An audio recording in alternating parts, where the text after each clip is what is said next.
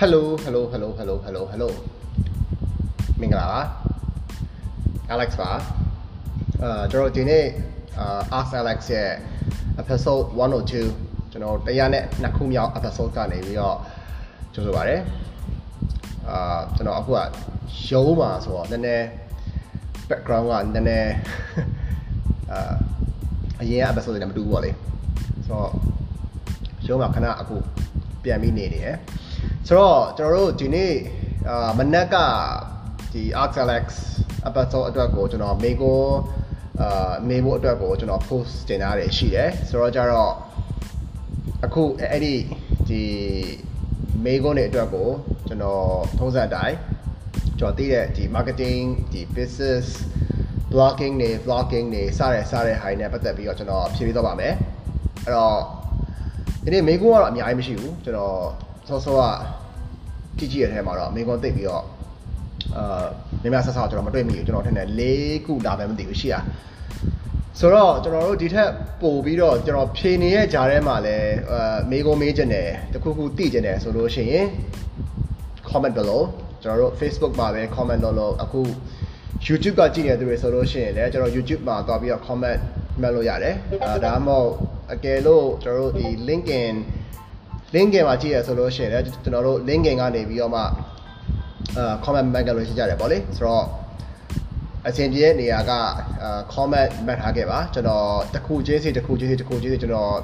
ဖတ်ပြီးတော့ကျွန်တော်တိလက်လောက်တွေဖြည့်ပေးပါမယ်နော်ဆိုတော့ကျွန်တော်မဖြည့်ခင်အာမဖြည့်ခင်ကျွန်တော်အခု intro လေးတစ်ချက်ကြည့်ကြည့်လိုက်အောင် Okay ဆိုတော့ဆိုတော့ကျွန်တော် screen လေးတစ်ချက် share ပါမယ်ကျွန်တော် screen တစ်ချက် share ပါမယ် okay အာကျွန်တော်ဒီ Facebook ရဲ့ Q&A လုပ်တဲ့ဟာလေးကတော်တော်လေး I don't know ဟိုကျွန်တော်ကတော့တော်တော်သဘောကျတယ်ဘာလို့ဆိုတော့အာလောက်ရလေးကအဆင်ပြေတယ်ဟိုမေးတဲ့သူတွေအနေနဲ့တော့ဘယ်လိုမျိုးနေလဲမသိဘူးပါလေနော်ဒါပေမဲ့လောက်ရတာလေးကတော်တော်လေးအဆင်ပြေတယ်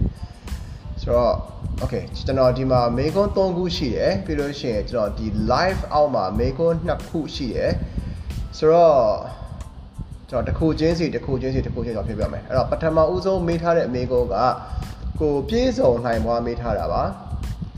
အာဗာမေးထားလဲဆိုတော့ travel industry အခုချိန် content pinpoint ကဘယ်လိုဖြစ်လာလဲ bro တဲ့ thanks in advance အာ okay ကျွန်တော်တို့ ဒီ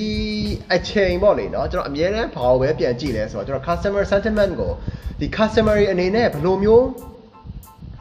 ဘယ်လိုမျိုးတွေးနေလဲဘယ်လိုမျိုးပုံစံမျိုးတွေကြိုက်တက်လဲပြီးလို့ရှိရင်ဘာတွေသူတို့ခေါင်းထဲမှာရှိနေလဲဆိုတော့အာပုံစံမျိုးတော့ကျွန်တော်အရင်ဆုံးကြည့်ရပါလေဆိုတော့ဆိုတော့ဒီချိန်မှာ travel industry လဲကျွန်တော်တတိထားမိတလောက်ပြန်ပြောရရင်တော့ဒီ hotels တွေ ဒီ travel agency တွေကနည်းနည်းပို့ပြီးတော့ active ဖြစ်လာတယ်လို့ကျွန်တော်တတိထားမိတယ်ကျွန်တော်တို့ဒီ ads တွေဘာတွေကအစပေါ့လေဆိုတော့ဒီချိန်မှာကျွန်တော်မြင်တာကတော့ဗာလဲဆိုတော့ဒီ stress ဖြစ်နေတဲ့အချိန်တွေမှာကျွန်တော်မြင်တာကတော့ဒီ travel အနေနဲ့ဘယ်လိုမျိုးကုစားပေးမလဲဆိုတော့ပုံစံမျိုးတွေကိုကျွန်တော်သွားမယ်ဆိုလို့ရှိရင်တော့ပို့ပြီးတော့ အာ hit ဖြစ်နိုင်တယ်လို့ကျွန်တော်ယူဆတယ်။ of course ကျွန်တော်နှစ်ပိုင်းအများကြီးကြည့်ရတာပေါ့လေ။ဟိုတစ်ပိုင်းကကြတော့အခုဒီလိုမျိုး political issues တွေဖြစ်နေတယ်။ပြီးလို့ရှိရင်ကျွန်တော်တို့ဒီ health issues တွေပေါ့လေနော်ကျွန်တော် health issues ဆိုလို့ရှိရင်လည်းကျွန်တော်ဘာလို့လို့ကြလဲဆိုတော့ကြတော့ဒီကျန်းမာရေးနဲ့ပတ်သက်ပြီးတော့မှကျွန်တော်တို့ hotels တွေဒီ travel and tours အဖွဲ့တွေကဒါမှမဟုတ်ရှင်လည်းကျွန်တော် landmark တွေကဘယ်လိုမျိုးအာ ဘယ်လိုမျိုးကာကွယ်ထားတယ်ဆိုတဲ့ဘက်ကိုကျွန်တော်အရင်ဆုံးဟို content လုပ်တင်တယ်လို့ကျွန်တော်ယူဆတယ်ဒါကလူတွေကို assurance ဖြစ်အောင်လူတွေကိုစိတ်ချရအောင်ကျွန်တော်တို့အရင်ဆုံးလေးဒီကျမ်းမာရေးဘက်ရှူတောင်းကနေပြီးတော့မှကျွန်တော်တို့စိတ်ချရပါတယ်ဆိုတော့ပုံစံမျိုးတစ်ခုကိုကျွန်တော်ပေးတဲ့တယ်။ပြီးတော့ဒုတိယတစ်ခုဒုတိယတစ်ခုက ကျွန်တော်တို့ကဘာကိုအမြဲကြည့်ရလဲဆိုတော့ဒီလူတွေရဲ့ဆောဆောကပြောတဲ့ sentiments ပေါ့လေ။အဲ့ sentiment ဆိုကြည့်ရတဲ့အချိန်မှာဒီအချိန်မှာလူတွေကအချင်းချင်းပြန်ပြီးတော့ကူညီပေးတဲ့အာ sense တစ်ခုကိုရထားကြတယ်ပေါ့လေဆိုတော့ကြတော့ကျွန်တော်တို့ကဘာကိုပြန်ရိုက်လို့ရလဲဆိုတော့အဲ့ဒီကိုဒီ travel industry ထဲမှာပဲကျွန်တော်အမြဲတမ်း travel industry ကိုသဘောအကျဆုံးအချက်ကသူတို့ပြ local travel ပေါ့လေနော် ကျွန်တော် local travel မှာအရန်သဘောကျတာဒီကျွန်တော်တို့အဲ့ data တွေမှာရှိတဲ့ဘယ်လိုခေါ်မလဲ data ခံလူတွေပေါ့နော်ပြောရရင်များကျွန်တော် covid ဖြစ်ပြီးရဲ့အချိန်မှာကျွန်တော်ပကံပကံမဟုတ်ကျွန်တော်ဆက်နှစ်လပိုင်းအရင်နှစ်ဆက်နှစ်လပိုင်းမှာကျွန်တော်ခရီးသွားလိုက်သေးတယ်အာချင်းပြည်လာမသိဘူးကျွန်တော်ရောက်သွားတာဆိုတော့အရင်နှစ်လားလွန်ခဲ့တစ်နှစ်လားမသိဘူးဆိုတော့ ကျွန်တော်ကြားတဲ့ဟာတွေကဘယ်လိုကြားရလဲဆိုတော့ဥပမာပြအခုသူတစ်ပြည့်ဒီဒီ covid ဖြစ်သွားတဲ့အချိန်နဲ့ဒီအာအခု political issues တွေဖြစ်နေတဲ့အချိန်မှာဆိုလို့ရှိရင်ကျွန်တော်ပကံမှာပေါ့အထူးသဖြင့်ကျွန်တော်ပကံအရန်ကြိုက်တာဟုတ်ပကံအရန်ကြိုက်တော့ကျွန်တော်ပကံကကျွန်တော်အတိတွေရှိတယ်အာပကံကဒီဒေသခံတွေနဲ့လည်းကျွန်တော်အချိတ်ဆက်တွေရှိနေတာဆိုတော့သူတို့ကိုမေးကြည့်တယ်သူတို့စီမှာအဲ့ဒီအဲ့ travel industry စခုလုံးကြီးကိုအမိပြုတ်ပြီးတော့နေနေရတဲ့သူတွေအများကြီးရှိတယ်ဥပမာ ပြောရရင်ဒီဖျားတွေမှာရှင်းပြတဲ့ clay လည်းရှိတယ်ဗျာပြီးတော့ရှင်ဖျားတွေကိုအမိတဟဲပြုတ်ပြီးတော့အာကျွန်တော်တို့ဘယ်လိုခေါ်မလဲဈေးရောင်းနေရတဲ့ဥပမာအုံးရီရောင်းနေရတဲ့သူတွေလည်းရှိတယ်ပြီးလို့ရှိရင်ဒီ hotel ဆေးရောက်ဝန်ထမ်းတွေရှိ hotel ဆေးရောက်ဝန်ထမ်းတွေဆိုလို့ရှိရင်ဒီပကံနဲ့ပပချလဲဒီရွာတွေဒီဒီမြို့မျိုးတသေးလေးတွေကနေပြီးတော့မှကျွန်တော်တို့တက်လာပြီးတော့အဲ့ hotel မှာလာပြီးအလုံးလုံးကြရတဲ့သူတွေပေါ့လေဆိုတော့ကျွန်တော်တို့ content angle ကိုယူရဆိုလို့ရှိရင်က ဒီကျွန်တော်တို့ကတော့ CBD CBD ဆိုတာဒီဒီ hotel နဲ့တော့တိုက်ရိုက်ကြည့်တော့မဟုတ်ဘူးဒါပေမဲ့ကျွန်တော်တို့ဟို community back travel ပေါ့လေဒီ community ကိုကျွန်တော်တို့ဘက်ကဒီ hotel တစ်ခုဒါမှမဟုတ်ဒီ travel agency တစ်ခုကနေပြီးတော့ဒီ community ဒီ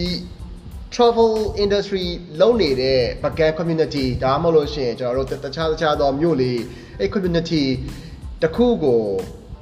ကျွန်တော်တို့ဘက်က company ဘက်ကနေပြီးတော့ဘာပြန်ပေးနေပါတယ်ဆိုတော့ story တွေကျွန်တော်တို့ create လုပ်လို့ရတယ်အဲ့ဒါဆိုလို့ရှိရင်ကျွန်တော်တို့ဖတ်တဲ့သူတွေအဖို့မှာဟိုကိုယ့်ရဲ့ stress ပျောက်ယုံတွေမကဘဲနဲ့ data ကန်ကိုပါပြန်ပြီးတော့ကူညီပေးနိုင်ပါတယ်ဆိုတော့အာပင် point လေးတစ်ခုပေါ့လေ topic လေးတစ်ခုရသွားတယ်ဆိုလို့ရှိရင်ကအဲ့ဒါအများကြီး အများကြီးပို့ပြီးတော့အဆင်ပြေနိုင်တယ်လို့ကျွန်တော်ယူဆတယ်တကယ်လဲအခက်အခဲတွေသူတို့စီမှာရှိနေကြတာ哦ဆိုတော့ကြတော့အဲ့ဒီအခက်အခဲတွေကိုကျွန်တော်တို့ ਨੇ ဒီပြောရရင် travel agency တွေဒီ hotels တွေ motels တွေ restaurants တွေကနေပြီးတော့မှအဲ့ဒီအနီးနားတဝက်ကလူတွေကိုသူတို့ရဲ့ story တွေရှိမယ်ဗျာသူတို့အခက်အခဲတွေရှိမယ်ဗျာ right အဲ့တော့အဲ့ဒီအခက်အခဲတွေအဲ့ဒီ story တွေကိုကျွန်တော်တို့ platform စာတစ်ဆင့် ပြောပြပေးနိုင်တယ်ဆိုလို့ရှိရင်ကဒါအများကြီးပို့ပြီးတော့ဟိုကျွန်တော်တို့ travel agencies တွေမကပဲနဲ့အဲ့ဒီ community ပါအများကြီးပို့ပြီးတော့အကျိုးရှိသွားနိုင်မယ်လို့ကျွန်တော်ယူဆတယ်။ဘာလို့ဆိုတော့ကျွန်တော်တို့အခုဒီဘက် hit ဖြစ်လာတဲ့ဒီဘက်အာ covid ဖြစ်ပြီးရဲ့နောက်ပိုင်းမှာလူအသုံးများလာတဲ့ online shopping တွေဒီ online trading တွေအဲ့ဒါတွေအကုန်လုံးအကုန်လုံးကပွင့်လင်းပြောမယ်ဆိုလို့ရှိရင်လေကျွန်တော်မျိုးကြီးတွေလောက်ပဲအာလုံးကြနေသေးတာ哦ကျွန်တော်တို့မျိုးကြီးတွေကနေပြီးတော့မှဒီ online shopping တွေလုပ်လိုက်တယ်မှာကြရတယ်ပေါ့လေဒါပေမဲ့ဒီ data ကိုအခြေခံပြီးတော့ဝမ်းကြောင်းနေရတဲ့ community တွေကြတော့ကျွန်တော် online shopping တွေဝင်တော့ဘူးကနည်းနည်းလေးခက်နေသေးတယ် right ဆိုတော့အဲ့ဒီ travel and tour agencies ကနေကျွန်တော်ဆိုပကံမှာဒါကျွန်တော် story တစ်ခုပါပကံမှာဆိုလို့ရှိရင်ကျွန်တော်ဓမယန်ကြီးမှာလားဓမန်ကြီးမှာလည်းတူတယ်အဲကျွန်တော်တို့အဲ့ဒီအဲ့ဒီဖျားအရှိမှာသူတို့ပကြီးဆွဲပြီးတော့လေဟိုရောင်းတဲ့ဒီပိတ်စာလေးပုံမှာပကြီးဆွဲပြီးရောင်းတဲ့သူတွေရှိတယ်အဲ့တော့ဒီ travel agency တခုကနေပြီးတော့မှသူတို့အဲ့ဒီပကြီးဆွဲထားတဲ့ဟာလေးကိုကျွန်တော်ဓာတ်ပုံလေးတွားရိုက်ပြီးတော့ travel agency ကနေပြီးတော့ပကံအမတ်တရဒီပကံအမတ်တရဆိုတဲ့ပကံကားလူတွေကိုပြန်ကူညီပေးဖို့ဆိုပြီးတော့ online ပေါ်မှာ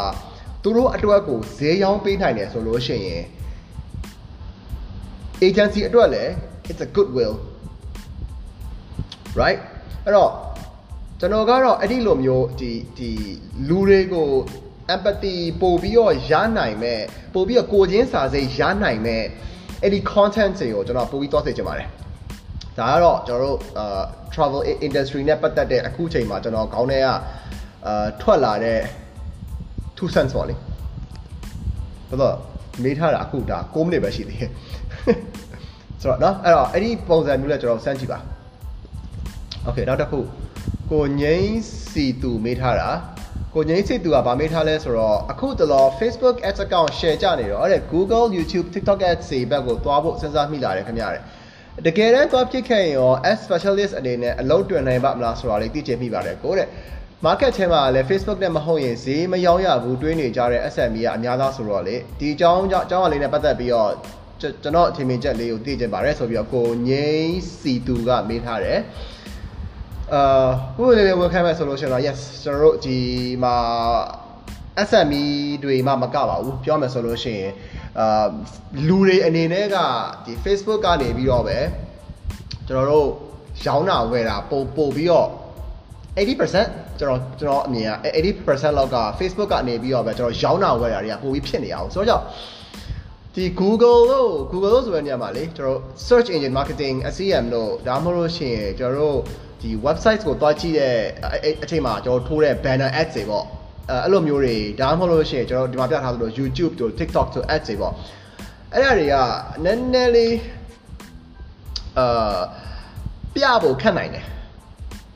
ဘာလို့ဆိုဘာလဲဆိုတော့လေကျွန်တော်အဲ့ဒီ platform တွေကအထူးသဖြင့်ကျွန်တော် YouTube တို့ TikTok ads ဆို Google ads တို့ကဟို website ပေါ်ကိုကျွန်တော်ဆွဲတင်ရတာအဲ့တော့အကယ်၍ကျွန်တော်အဲ့ဒီဟာကိုတွားချင်တယ်ဆိုလို့ရှိရင် client စီမှာ website ရှိမှပဲအဆင်ပြေပါဘူး website မရှိဘဲနဲ့သူတို့က Facebook ရဲ့အားတာတဲ့အချက်ကြီးက Messenger ရှိသွားတဲ့အချိန်မှာသူတို့ဘက်ကအများကြီးအဆင်ပြေသွားတယ်သိရမလားအဲ့တော့ Messenger ပေါ်ကိုဆွဲခေါ်လိုက်ပြီးတော့မှဈေးရောင်းလို့ရတယ်ဒါပေမဲ့ဒီ Google တို့ YouTube တို့နောက်ဆုံး TikTok ads တွေပေါ့လေသူတို့ကျတော့ကျွန်တော်တို့က click နေတယ်ဆိုလို့ရှိရင်ကဘယ်ကိုခေါ်သွားမှာလဲပေါ့ဆိုတော့အဲ့ဒီ conversion platform တွေတခုပြောက်နေတာအဲ့ဒါကြောင့်ပဲလူတွေကအဲ့ဒီ platform တွေနဲ့မဝယ်ပြစ်တာလို့တော့ ကျွန်တော်ယူဆတယ်ဆိုတော့ပြောရရင်ကျွန်တော်အနေနဲ့ကလေအာဘယ်လိုမြင်လဲဆိုတော့ကျွန်တော်အခုလည်းဒါဟိုပြောရင်အားမငယ်ပါနဲ့ဒီ ads account ကြတယ်ဆိုတာဟိုတိုင်းကြီးလုံးခွေးဖြစ်နေရပါကြောက်ရတာပဲတတိုင်းဖြစ်လုံးခွေးဖြစ်နေရပါကိုငင်းစီသူတယောက်တည်းအဲ ပြဿနာတွေဖြာများနေရတာမဟုတ်ပေါ့လေဟိုကျွန်တော်မီဒီယာပါရဆိုလို့ရှိရင်အမြဲတမ်းခေါင်းတောက်နေရဘာလို့လဲဆိုတော့ဒီဒီ level up ပါလဲဝယ်ခိုင်းမယ်ဆိုလို့ရှိရင်ဗျာကျွန်တော်တို့ client တွေကျွန်တော် boost လုပ်ပေးတယ်အဲ့ဒီ boost လုပ်ပေးတဲ့ ads account တွေကျွန်တော်ကြကုန်တဲ့ဟာတွေရှိတယ်ကျွန်တော် client တယောက်ဆိုလို့ရှိရင် page advertisement မှာအခုကျွန်တော်ကြာသွားတော့အဲ့ကိစ္စကိုကျွန်တော် Facebook နဲ့စကားပြောပြီးတော့ရှင်းနေရတဲ့အခြေအနေတစ်ခုဖြစ်နေရပါတော့လေဆိုတော့ဟိုပြောရရင်ဒါအကုန်လုံးကြုံနေရတဲ့ပြဿနာ ဆိုတော့ media buyer အနေနဲ့ကကျွန်တော်အနေနဲ့ကဘာအကြံပေးကြလဲဆိုတော့ boosting ထက်စားလို့ရှိရင်ဖြစ်နိုင်ရင်ပေါ့လေ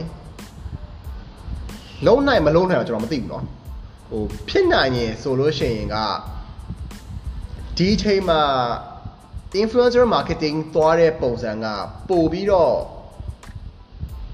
ထိရောက်တယ်လို့တော့ကျွန်တော်မြင်တယ်ကြာပြပြီအဲ့ ီ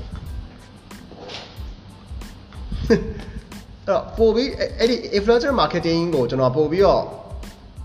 အကြံပေးခြင်းတယ်ဘာလို့လဲဆိုတော့စောစောပြောသလိုဟိုကျွန်တော်တို့ကအမြဲတမ်းလူတွေရဲ့ trust ဖြစ်နေတဲ့အပေါ်မှာအခြေခံပြီးတော့ကျွန်တော်ရဲ့ဒီ ads တွေကျွန်တော် run ရတယ်ဒီ content တွေကျွန်တော်တို့လုပ်ရတာ哦အဲ့ဒီအချိန်မှာလက်ရှိအချိန်မှာကျွန်တော်တို့လူတွေက brand တွေကျွန်တော်လက်ရှိမှာမဟုတ်ပါဘူးဒါတော့ ကျွန်တော်ပြောခဲ့ရလဲကြားနေပြီ right ကျွန်တော်တို့2018 2019အခု2020 2021ရောက်နေပြီ brand တွေထဲစားလို့ရှိရင်လူတွေကလူတွေပေါ်မှာပို့ပြီးတော့ယုံနေကြတယ်ပို့ပြီးတော့ယုံကျင်ကြတယ်လို့ကျွန်တော်အခုထိကိုကျွန်တော်ယူဆပါတယ်ဆိုတော့ကြတော့ကိုငိမ့်စီသူအနေနဲ့ဒီ influencer တွေဒီ KOL တွေဒီ vlogger တွေဒီ blogger တွေနဲ့တည်တယ်ဆိုလို့ရှိရင်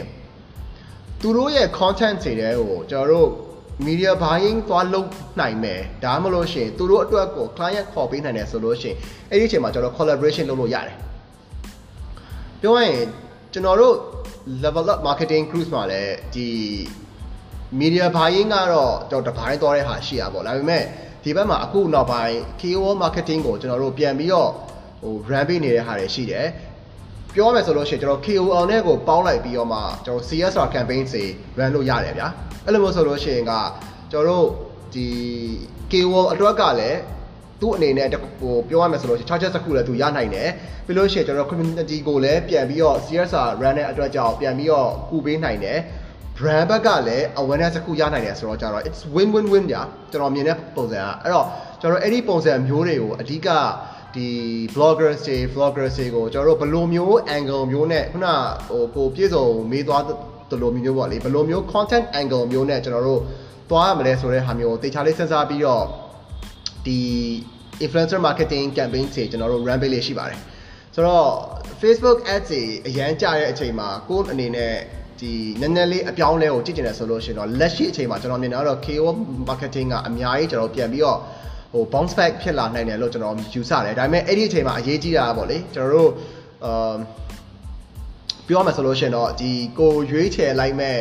ဒီ KOL ဒီ blogger vlogger ရဲ့အာ background တွေကိုတော့ကျွန်တော်တို့တေချာကြည့်စေချင်တယ်ဘာလို့လဲဆိုတော့ you know what ပါ right ဆိုတော့ကြတော့ကျွန်တော်အဲ့ဒီဟာအသေးစိတ်တော့ကျွန်တော်သွားတော့ဒါပေမဲ့တေချာကြည့်ပြီးတော့မှကျွန်တော်ဘယ် influencer ဘယ် model blogger vlogger သူတို့ကိုရွေးချယ်မလဲဆိုတဲ့ဟာမျိုးလည်းကျွန်တော်က အဲကြည့်စေချင်ပါတယ်အဲ့လိုမဟုတ်ဘဲနဲ့လုံးဝကိုယ့်ရဲ့ brand ကဒီ awareness တစ်ခုတည်းကိုပဲကျွန်တော်သွားကျင်တယ်ဆိုလို့ရှိရင်ပေါ့လေကျွန်တော်တို့လူသိရင်အဆင်ပြေတယ်ဆိုတော့ဘက်ကိုကျွန်တော်သွားကျင်တယ်ဒါမှမဟုတ်လို့ရှိရင်ကိုယ့်ရဲ့ client မှာ website တွေရှိတယ်တခုခုဖြစ်တယ်ဆိုလို့ရှိရင်တော့ဒါ is fine ကျွန်တော်တို့ဒီ Google YouTube TikTok တွေကျွန်တော်သွားလို့ရတယ်အဲဘာလို့သူတို့က impression များများပေးနိုင်တယ် ဒါပေမဲ့မြန်မာပြည်က behavior အနေနဲ့က click ကိုအဲ့လောက်ကြီးမနှိပ်ကြဘူးအဲ့ဒီအချိန်မှာပြဿနာတက်တာတော့မြန်မာတွေကျွန်တော်တို့ရဲ့ SME တွေအများစုကကြတော့သူတို့ survive လုပ်နေရတဲ့အချိန်မှာလေဟိုဟို brand awareness campaign တွေ brand ကိုပိုသိစေမဲ့ branding campaign တွေကိုတိတ်ပြီးတော့မ run ချင်ကြဘူးသူတို့ကဟို lead generation နဲ့ဒီဒီပြောရင် promotion campaign ကိုပဲပူးဆုံနေကြတဲ့ဟာမျိုးကများတယ်ဆိုတော့ကြတော့အဲ့ဒါတော့နည်းနည်း အာဒီလောက်ရတာညှိရတာနည်းနည်းခက်မယ်လို့တော့ကျွန်တော်ထင်တယ်ဒါပေမဲ့ still အာစပြောကြည့်ပါ right ကျွန်တော်တို့အနည်းဆုံးကိုယ့်အကိုဘယ်လို့မှမရအောင်ဆိုလို့ရှိရင်ကိုယ့်အကိုအရင်ဆုံးစမ်းကြည့်ဗျာစမ်းကြည့်ပြီးတော့မှပဲ Google ကဘယ်လိုနေရာမျိုးမှာအသုံးကျတယ် YouTube ကဘယ်လိုနေရာမျိုးမှာအသုံးကျတယ်နောက်တော့ TikTok ads ကကျွန်တော်မသိဘူးကျွန်တော်မြန်မာပြည်မှာ run လို့ရတယ်မှန် run လို့ရလိမ့်မယ်လို့တော့ကျွန်တော်သိထားတယ်ဒါပေမဲ့ run လို့ရနေပြီလား run လို့မရသေးဘူးလားဆိုတော့ကျွန်တော်မသိဘူးပေါ့လေဆိုတော့ကြတော့အာစမ်းကြည့်ပါစမ်းကြည့်ပြီးတော့မှပဲဘယ်လိုမျိုးကိုယ့်ရဲ့ brand တွေရဲ့ customer journey ကိုကိုကဆွဲထည့်လို့ရမလဲဆိုတဲ့ပုံစံမျိုးကိုကြည့်ပြီးတော့ media buying လုပ်မယ်ဆိုရင်တော့ပို့ပြီးတော့ကောင်းနိုင်မယ်လို့ကျွန်တော်ထင်ပါတယ်ဒါပေမဲ့ကျွန်တော်ကတော့ဒီမှာဘာကို double down လုပ်နေလဲဆိုတော့ media buying ထက်စားလို့ရှိရင်ကျွန်တော်တို့ KOL marketing ဒီ influencer marketing ကိုကျွန်တော်ပို့ပြီးတော့ double down အနေနဲ့ကျွန်တော်သွားနေတယ်အာအကောလုံးအတွက်လည်း KOL ကလည်းသူရထားတဲ့ပတ်စံကိုဗျာပြန်ပြီးတော့သုံးကျင်တဲ့နေရာမှာသူသုံးလို့ရတယ်ကျွန်တော်က Facebook ကိုပတ်စံပေးထားတဲ့ဆိုလို့ရှိရင်ကျွန်တော်တို့မြန်မာနိုင်ငံမှာရှိနေတဲ့တခြားသူတွေကိုကျွန်တော်ပတ်စံပို့ပေးကျင်တာဆိုတော့ကျွန်တော် keyword ကိုသုံးကြည့်ရတဲ့အချိန်မှာအများကြီးပို့ပြီးတော့ effective ဖြစ်တယ်လို့ကျွန်တော်ယူဆတဲ့အတွက်ကြောင့်အာလက်ရှိချိန်မှာတော့ keywords ကတော့ it's quite quite good ပေါ့လေ နော်အဲ့တော့ okay အဲ့တော့ကျွန်တော်နောက်တစ်ခုသွားအောင်အာကိုတက်စင်ပေးထားတာကျွန်တော်တို့ business manager verification အာ verification process အကြောင်းလေးသိချင်ပါတယ်တဲ့ဆိုတော့ okay ကျွန်တော် business manager အာ verification ကပြောရင်နည်းနည်းစားတယ် နည်းနည်းစားမဟုတ်တော်တော်စားတယ်ဘာလို့လဲဆိုတော့ business manager အဲ့ verify လုပ်လုပ်တယ်ဆိုလို့ရှိရင်ကသူတို့တောင်းတဲ့ဟာတွေရှိတယ်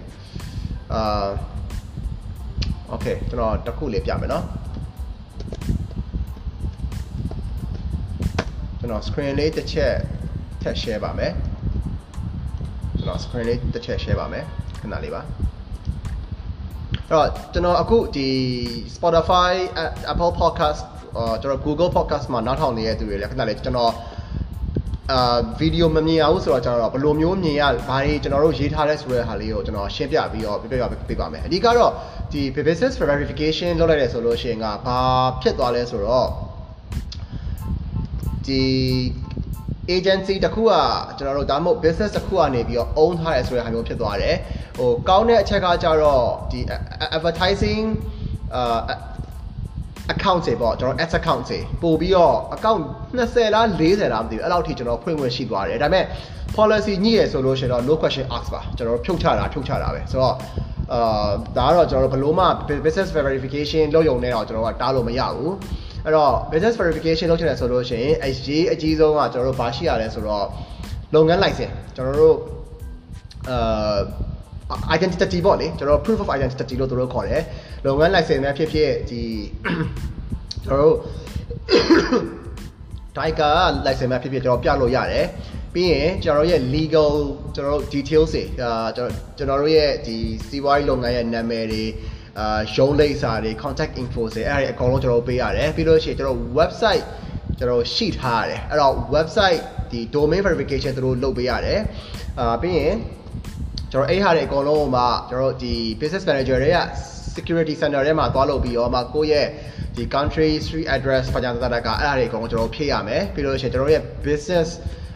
ပုံတော့ကျွန်တော်ရွေးလိုက်ပြီးလို့ရှိရင်ခုနကပြောတဲ့ဒီဒီ official document တွေပေါ့လေအဲအဲ့တော့အဲ့ official document တွေကျွန်တော်ဖြည့်လိုက်ရဆိုလို့ရှိရင်ပြီးသွားပြီအာတခုပဲကျွန်တော်တို့ကကျွန်တော်တို့ကအဲ့ဒီ business verification process အကုန်လုံးကနောက်ဆုံးဒီအဲ့ဒီ enough တကြေးဗျာကျွန်တော် Facebook Facebook ရဲ့အာ Facebook ရဲ့နောက်ဆုံး end decision ကအရေးကြီးတာဆိုတော့ကျွန်တော်ဘယ်လောက်ကြီးပဲဒီမှာရှင်းပြပြဘယ်လောက်ကြီးပဲပြောပြောအာ Facebook ကမရဘူးဆိုလို့ရှိရင် မရဘူးပေါ့လေကျွန်တော်လည်းတစ်ခါပဲလုပ်ဘူးတယ်အဲ့တစ်ခါတော့ရပါတယ်ဒါပေမဲ့အခုနောက်ပိုင်းဒီဘက်အခြေအနေအရကကျွန်တော်တို့ဒီ business တွေကို Facebook ကနေပြီးတော့ verify လုပ်ပေးသေးလားမလုပ်ပေးတော့ဘူးလားဆိုတာလည်းကျွန်တော်မပြောတတ်ဘူးဆိုတော့ကြတော့ဒါကတော့စန့်ကြည့်မှသိရမှာမှာပေါ့လေနော်အဲ့တော့စန့်ကြည့်ကြပါအာကျွန်တော်ဒီ Spotify ဒီအာ podcast တွေကျွန်တော်နားထောင်နေတဲ့သူတွေကျွန်တော်ရဲ့ Facebook နဲ့ YouTube မှာကျွန်တော်ဆော့ဆော့ပြောလိုက်တဲ့ link တစ်ခုကျွန်တော်ချပေးလိုက်ပါတယ်အဲ့တော့ဒီ podcast ကိုနားထောင်နေတဲ့သူတွေဟိုကျေးဇူးပြုပြီးတော့ကျွန်တော်ဒီ Facebook နဲ့ YouTube မှာ link ကိုသွားပြီးတော့အာရှာနိုင်ပါတယ်ကျွန်တော် podcast တွေရဲ့ description ထဲမှာလည်းကျွန်တော်ထည့်ပေးထားပါဦးမယ်เนาะအဲ့တော့ကျွန်တော်ပြန်ပြီးတော့သွားရအောင်ပြန်ပြီးသွားရအောင်ဆိုတော့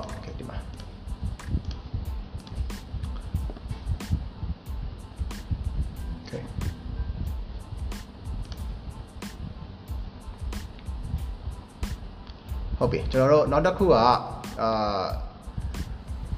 ကျွန်တော် live အောက်မှာမေးထားတဲ့မေးခွန်းတွေပါဆိုတော့ Okay ကျွန်တော်ဒီဒီဟာလေးဆက်ပြီးမသွားခင်ကျွန်တော်ကိုမေးစရာမေးခွန်းတွေရှိရဆိုလို့ရှိရင်ကျေးဇူးပြုပြီးတော့ comment box ထဲမှာအာ YouTube ကလည်းဖြစ်ဖြစ် Facebook ကလည်းဖြစ်ဖြစ် link ကလည်းဖြစ်ဖြစ်ကျွန်တော် comment box ထဲမှာမင်းနိုင်ပါတယ်ကျွန်တော်ဖတ်ပြီးတော့ဖြည့်ပေးပါမယ်ကျွန်တော်ဒီမှာမေးခွန်းနှစ်ခုပဲကျွန်တော်ကျန်တော့တယ်အဲ့တော့အဲ့ဒီမေးခွန်းနှစ်ခု အာမေးခွန်းနှစ်ခုပြီးပြီဆိုလို့ရှိရင်ကျွန်တော်အခု live မှာမေးထားတဲ့မေးနေမဲ့မေးခွန်းတွေကျွန်တော်ဖြည့်ပေးပါမယ်ပြီးလို့ရှိရင်တော့ကျွန်တော်ဒါပြီးပြီပေါ့လေเนาะအဲ့တော့ကျွန်တော်ဆက်သွားအောင်အခုအဲရိုးမော်ထင်တယ်เนาะ Y O M A W ဆိုတော့အာမေးထားတာကဒီ local and import area gain ကိုတဲ့ဘယ်လိုမျိုး marketing strategy သုံးရမလဲရှင်းဆိုပြီးတော့မေးထားတယ်အာကျွန်တော် local ကကိုကိုပိုင် brand ထဲပါဆိုတော့ okay ကျွန်တော်တို့အရင်အရင်ဆုံး foundation စပြီးတော့စဉ်းစားကြည့်ကြည့်အောင်ကျွန်တော် foundation စပြီးစဉ်းစားမယ်ဆိုလို့ရှိရင်ကျွန်တော်မြင်တာကဒီအယက်ကင်းဆိုတဲ့ဟာကိုကျွန်တော်အယက်ကင်းအနေနဲ့သွားတယ်ဆိုရင်ဒါနည်းနည်းလေးဘောင်ကျင်းတယ်ကျွန်တော်တို့ကမအယက်ကင်းပါဗျာပြောမှဆိုလို့ရှိရင်ခြီသားနဲ့လှုပ်ထားရတယ်တို့အေးတယ်တို့အဲ့ဒါတွေအကုန်လုံးကကျွန်တော်တို့ကဟို product benefits တွေ သွားတာအဲ့တော့ product benefits ကိုပဲမဟုတ်ဖ ೇನೆ ကျွန်တော်တို့အယကင်းကိုလူတွေကဘာကြောင့်ရွေးချယ်တင်တာလဲအရကင်းကောင်းကောင်းဒါမှမဟုတ်အရကင်းတစ်ခုကိုဘယ်လိုမျိုးရွေးတာလဲဆိုတော့ပုံစံမျိုးလေးကိုကျွန်တော်ကပြန်ပြီးစဉ်းစားကြည့်စေချင်တယ် Okay အကယ်၍ကျွန်တော်သာဆိုရင်ပေါ့လေကျွန်တော်သာ air gain တစ်ခုဝယ်ရရမယ်ဆိုတော့ရှင်ကျွန်တော်ဘာကိုကြည့်လဲဆိုတော့ကျွန်တော် texture ကိုကြည့်တယ် ဟို texture ကဟိုကျွန်တော်ကျွန်တော်ဒီဟိုပြောရမယ်ဆိုလို့ရှိရင်ကြီးများတဲ့ကောင်များအဲ့တော့နူးညံ့တဲ့ texture မျိုးလေးတွေဆိုလို့ရှိရင်ကျွန်တော်စိတ်ဝင်စားတယ်ကျွန်တော်ကြိုက်တယ်အဲ့လိုမျိုးကျွန်တော် air gain ဆိုလို့ရှိရင်ကကျွန်တော်ညံ့ညံ့ညောင်ညောင်အိတ်ချင်တယ်ဆိုတဲ့နေရာမှာဟိုကျွန်တော်တို့မှွေရမှာမဟုတ်ဖ ೇನೆ ကျွန်တော် air gain ကိုလည်းဟိုကောင်းကောင်းကျွန်တော်ခင်းခင်းခင်းကျင်တယ်လေနော်ဆိုတော့ကြတော့အဲ့ဒီလိုမျိုးသွားချင်တယ်ဆိုလို့ရှိရင်ကကျွန်တော်တို့ကဘာလုပ်လို့ရလဲဆိုတော့ air gain ဆိုတဲ့ဟာတက်ကိုမှကျွန်တော်တို့8 set ချင်းဆိုတဲ့ဘက်ကိုကျွန်တော်ပို့ပြီးသွားလို့ရတယ်အဲ့တော့8 8တယ်ဆိုတဲ့နေရာမှာမှကျွန်တော်ကနောက်တစ်တစ်ခုဘာပြန်စဉ်းစားလဲဆိုတော့လူတွေက8တယ်ဆိုလို့ရှိရင်နည်းနည်းချက်ချက်အိတ်ချင်တာဗျာနည်းနည်းချက်ချက်အိတ်တယ်ဆိုတာက stress free ကျွန်တော်တို့ဘာမှမတွေးမပူချင်တော့အချက်ပုံစံမျိုးနဲ့ကျွန်တော်တို့ကအိတ်ချင်တာဆိုတော့အဲ့ဒီချိန်မှာ ကျွန်တော်တို့ကဘာကိုပြန်ပြီးစဉ်းစားလို့ရလဲဆိုတော့လေအဲ့ဒီအိတ်ဆက်ချင်းနဲ့ကျွန်တော်တို့ stress free ပုံစံမျိုးကိုကျွန်တော်စဉ်းစားလို့ရတယ်အဲ့တော့ဟို peace of mind ဖြစ်သွားတာပေါ့လေကျွန်တော်တို့ဟိုလူဟိုအဲ့ဒီအဲ့ရပေါ်မှာလှည့်လိုက်တယ်ဆိုလို့ရှိရင်ကျွန်တော်တို့အရန်ကြီး stress ဖြစ်လာပြီးအရန်ကြီးဒီကိုယ့်အကို cool down လုပ်ရတော့မယ်အချိန်တစ်ခုဖြစ်လာပြီဆိုလို့ရှိရင်ကျွန်တော်ဘာလုပ်လဲဆိုတော့ခဏသွားလှည့်လိုက်တယ်အဲ့တော့ကျွန်တော်ရုပ်ကျုံးမှာကျွန်တော်အိပ်ရထားတာဆိုတော့အဲ့ဒီလိုမျိုးပုံစံမျိုးပေါ့လေနော်ဆိုတော့ ဟို stress တွေဒီလုံးဝ free ဖြစ်သွားမယ်ဒါမှမဟုတ်ကိုယ့်ရဲ့ဒီဥပမာဗျာပြောရရင်အမေချင်းခွင်လိုပုံစံမျိုးလေးဗျာကျွန်တော်တို့ position နေရာယူလို့ကြည့်ကြတာကအဲ့ဒီအဲ့အဲ့အဲ့ရလေးပေါ်မှာလှည့်လိုက်တယ်ဆိုလို့ရှိရင်ကျွန်တော်လုံးဝကြီးတတောင်းတက်တက်တာဖြစ်သွားမယ်ဆိုတော့အဆင့်ကျွန်တော်တို့ peace of mind လေးတစ်ခုရသွားမယ်ဆိုတော့အဆင့်ဘက်ကိုကျွန်တော်သွားလို့ရတယ်ဒါကကျွန်တော်အယကင်းကိုအယကင်းအနေနဲ့မဟုတ်တော့ဘဲနဲ့ကျွန်တော်တို့ရဲ့မြန်မာတွေရဲ့ဟို အနီးဆက်ဆုံးအချစ်ဆုံးအကြိုက်ဆုံး topic တစ်ခုကအဲ့မိခင်မြစ်တာပုံစံမျိုးပေါ့လေအဲ့လိုမျိုးကျွန်တော်တို့ကလှမ်းချိတ်လိုက်လို့ရတယ်လှမ်းတော့လှမ်းတယ် I understand လှမ်းတော့လှမ်းတယ်ဒါပေမဲ့အဲ့ဒီအဲ့ဒီတက်တောင့်တက်တာရှိတဲ့ပုံစံမျိုးလေးတွေရယ်ပြီးလို့ရှိရင် stress free ဖြစ်တဲ့ပုံစံမျိုးလေးတွေရယ်ပြီးလို့ရှိရင်ကျွန်တော်အိတ်တယ်ကျွန်တော်တို့အိတ်တဲ့အချိန်မှာဘာမှ တွေးပူစရာတွေမရှိတော့လောက်တဲ့အထီကိုကျွန်တော်တို့ညင်ညင်ညောင်ညောင်နဲ့အိတ်နိုင်ပါတယ်ဆိုတဲ့ဘက်ကိုကျွန်တော်တို့သွားနိုင်တယ်ဆိုလို့ရှိရင်ကအမအိမ်မက်တွေနဲ့ကျွန်တော်ချိတ်လို့ရတယ်ဒါမှမဟုတ်ရှင်ကျွန်တော်စောစောပြောနေတဲ့ပုံစံမျိုးနဲ့ကျွန်တော်ချိတ်လို့ရတယ်ပေါ့လေအဲ့တော့အဲ့လိုမျိုးချိတ်ချိတ်ချိတ်ချိတ်ချိတ်ပြီးတော့မှကျွန်တော်တို့ဒီ stress ကိုဘယ်လိုမျိုးရှင်းရမလဲဥပမာကျွန်တော်တို့အခုဆိုလို့ရှိရင်က stress တွေအများကြီးကျွန်တော်ရလာကြတယ်အဲ့တော့အဲ့ stress ကိုကျွန်တော်တို့ air gain နဲ့ဘယ်လိုမျိုးချိတ်လို့ရမလဲ exit ချင်းနဲ့ဘယ်လိုချိတ်လို့ရမလဲအဲ့ဒီပုံစံမျိုးလေးတွေကိုကျွန်တော်တို့သွားမယ်ဆိုလို့ရှိရင်တော့ ဒါ product ကိုကြီးပဲအတင်းကြီးဒီမှာဒီမှာဒီမှာတက်မှာဟိုနူးညံ့တယ်တို့အေးတယ်တို့ဘာဖြစ်တယ်ညာဖြစ်တယ်တို့ပုံစံထက်ကိုမှကျွန်တော်ပို့ပြီးတော့လူတွေရဲ့စိတ်နဲ့ကျွန်တော်တို့ချိန်မိနိုင်မဲ့ content ဈေးတွေအာလုံးလို့ရမယ်လို့တော့ကျွန်တော်ယူဆတယ်အဲ့တော့ yeah stress free ပုံစံမျိုးသွားမယ်ဆိုလို့ရှင်လဲဒါအဆင်ပြေနိုင်တယ်ပေါ့လေနော်အဲ့တော့စမ်းကြည့်ပါ okay တော့ကိုမင်းဟန်မျိုးချုပ်မေးထားတာကအာကျွန်တော် boost ဆိုတာနဲ့ပတ်သက်တဲ့ strategy အကြောင်းအကိုသိတော့ထဲကအနှဲငယ်အကြံပြင်းလေးအစဉ်ပြေရင် sharing လုပ်ပေးပါလားခင်ဗျာတဲ့ပြီးတော့ content creator နဲ့ပတ်သက်ပြီးတော့အကိုဘယ်လိုတွေဆောင်ရွက်တင်လဲဆိုတော့အကိုအစဉ်ပြေဖြေပေးပါခင်ဗျာတဲ့ပြောရရင်လေအဲ့နှစ်ခုပဲမဟုတ်လိုက်ကျွန်တော် Facebook မှာအခုအကုန်လုံးလုပ်နေကြတာ Okay အဲ့တော့ကျွန်တော်ပထမဆုံး media buying ပေါ့လေကျွန်တော်ဒီ boost လုပ်တဲ့ strategy very basic လောက်တာကဘာလဲဆိုတော့ကျွန်တော် customer journey ကိုကျွန်တော်အရင်ဆုံးသိအောင်လုပ်တယ် customer journey ကိုကျွန်တော်တို့အရင်ဆုံး map လုပ်ရတယ်ဆိုတော့ကျွန်တော်ကဗျာဆိုတော့ကျွန်တော်ဥမာစဉ်းစားကြည့်ကြည့်တခါမှမမြင်ဘူးတဲ့ product ကြီးတစ်ခုကိုရော့ဒီမှာဆိုပြီးတော့လာပြပြီးတော့ဈေးဝယ်ခိုင်းတာထက်စားလို့ရှိရင်ကျွန်တော်တို့ အရင်ဆုံးဘာလို့သိရလဲဆိုတော့ဒီ sales process ကိုကျွန်တော်တို့သိရတယ်တချို့တော့ products တွေက sales process ကရှင်းတယ်ဥပမာပြောရမယ်ဆိုလို့ရှိရင်ဗျာကျွန်တော်အနည်းနားမှာတော့ပြောက်တော့မကောင်းပါဘူးဒါပေမဲ့ပြောက်တယ် jack တဲ့တိုင်းအောင်ဆိုပါလေ sales process ကရှင်းတယ်ဘာလို့ဆိုတော့မူးကျင်လို့တောက်တာဒါမှမဟုတ်တငယ်ချင်းနဲ့ဆုံလို့တောက်တာဒါမှမဟုတ်ပျော်ကျင်လို့တောက်တာဒါမှမဟုတ်တောက်ကျင်လို့တောက်တာဗျာပြောရရင်အဲ့တော့ အဲ့အဲ့ Jack Daniel ဆိုမျိုးကျွန်တော်တို့ဒီ liquor ရောင်းတဲ့ liquor store တွေကအများကြီးရှင်းပြကြမလို့ Jack Daniel ဆိုဆိုတာဘာလဲဆိုတာဟိုတောက်နေတဲ့ကောင်တိုင်းသိတယ်နော်ကျွန်တော်ကျွန်တော်ကျွန်တော်လိုမျိုးတောက်နေတဲ့လူတိုင်းသိတယ်ဆိုတော့ကျတော့အဲ့ဒီအချိန်မှာကျွန်တော်တို့က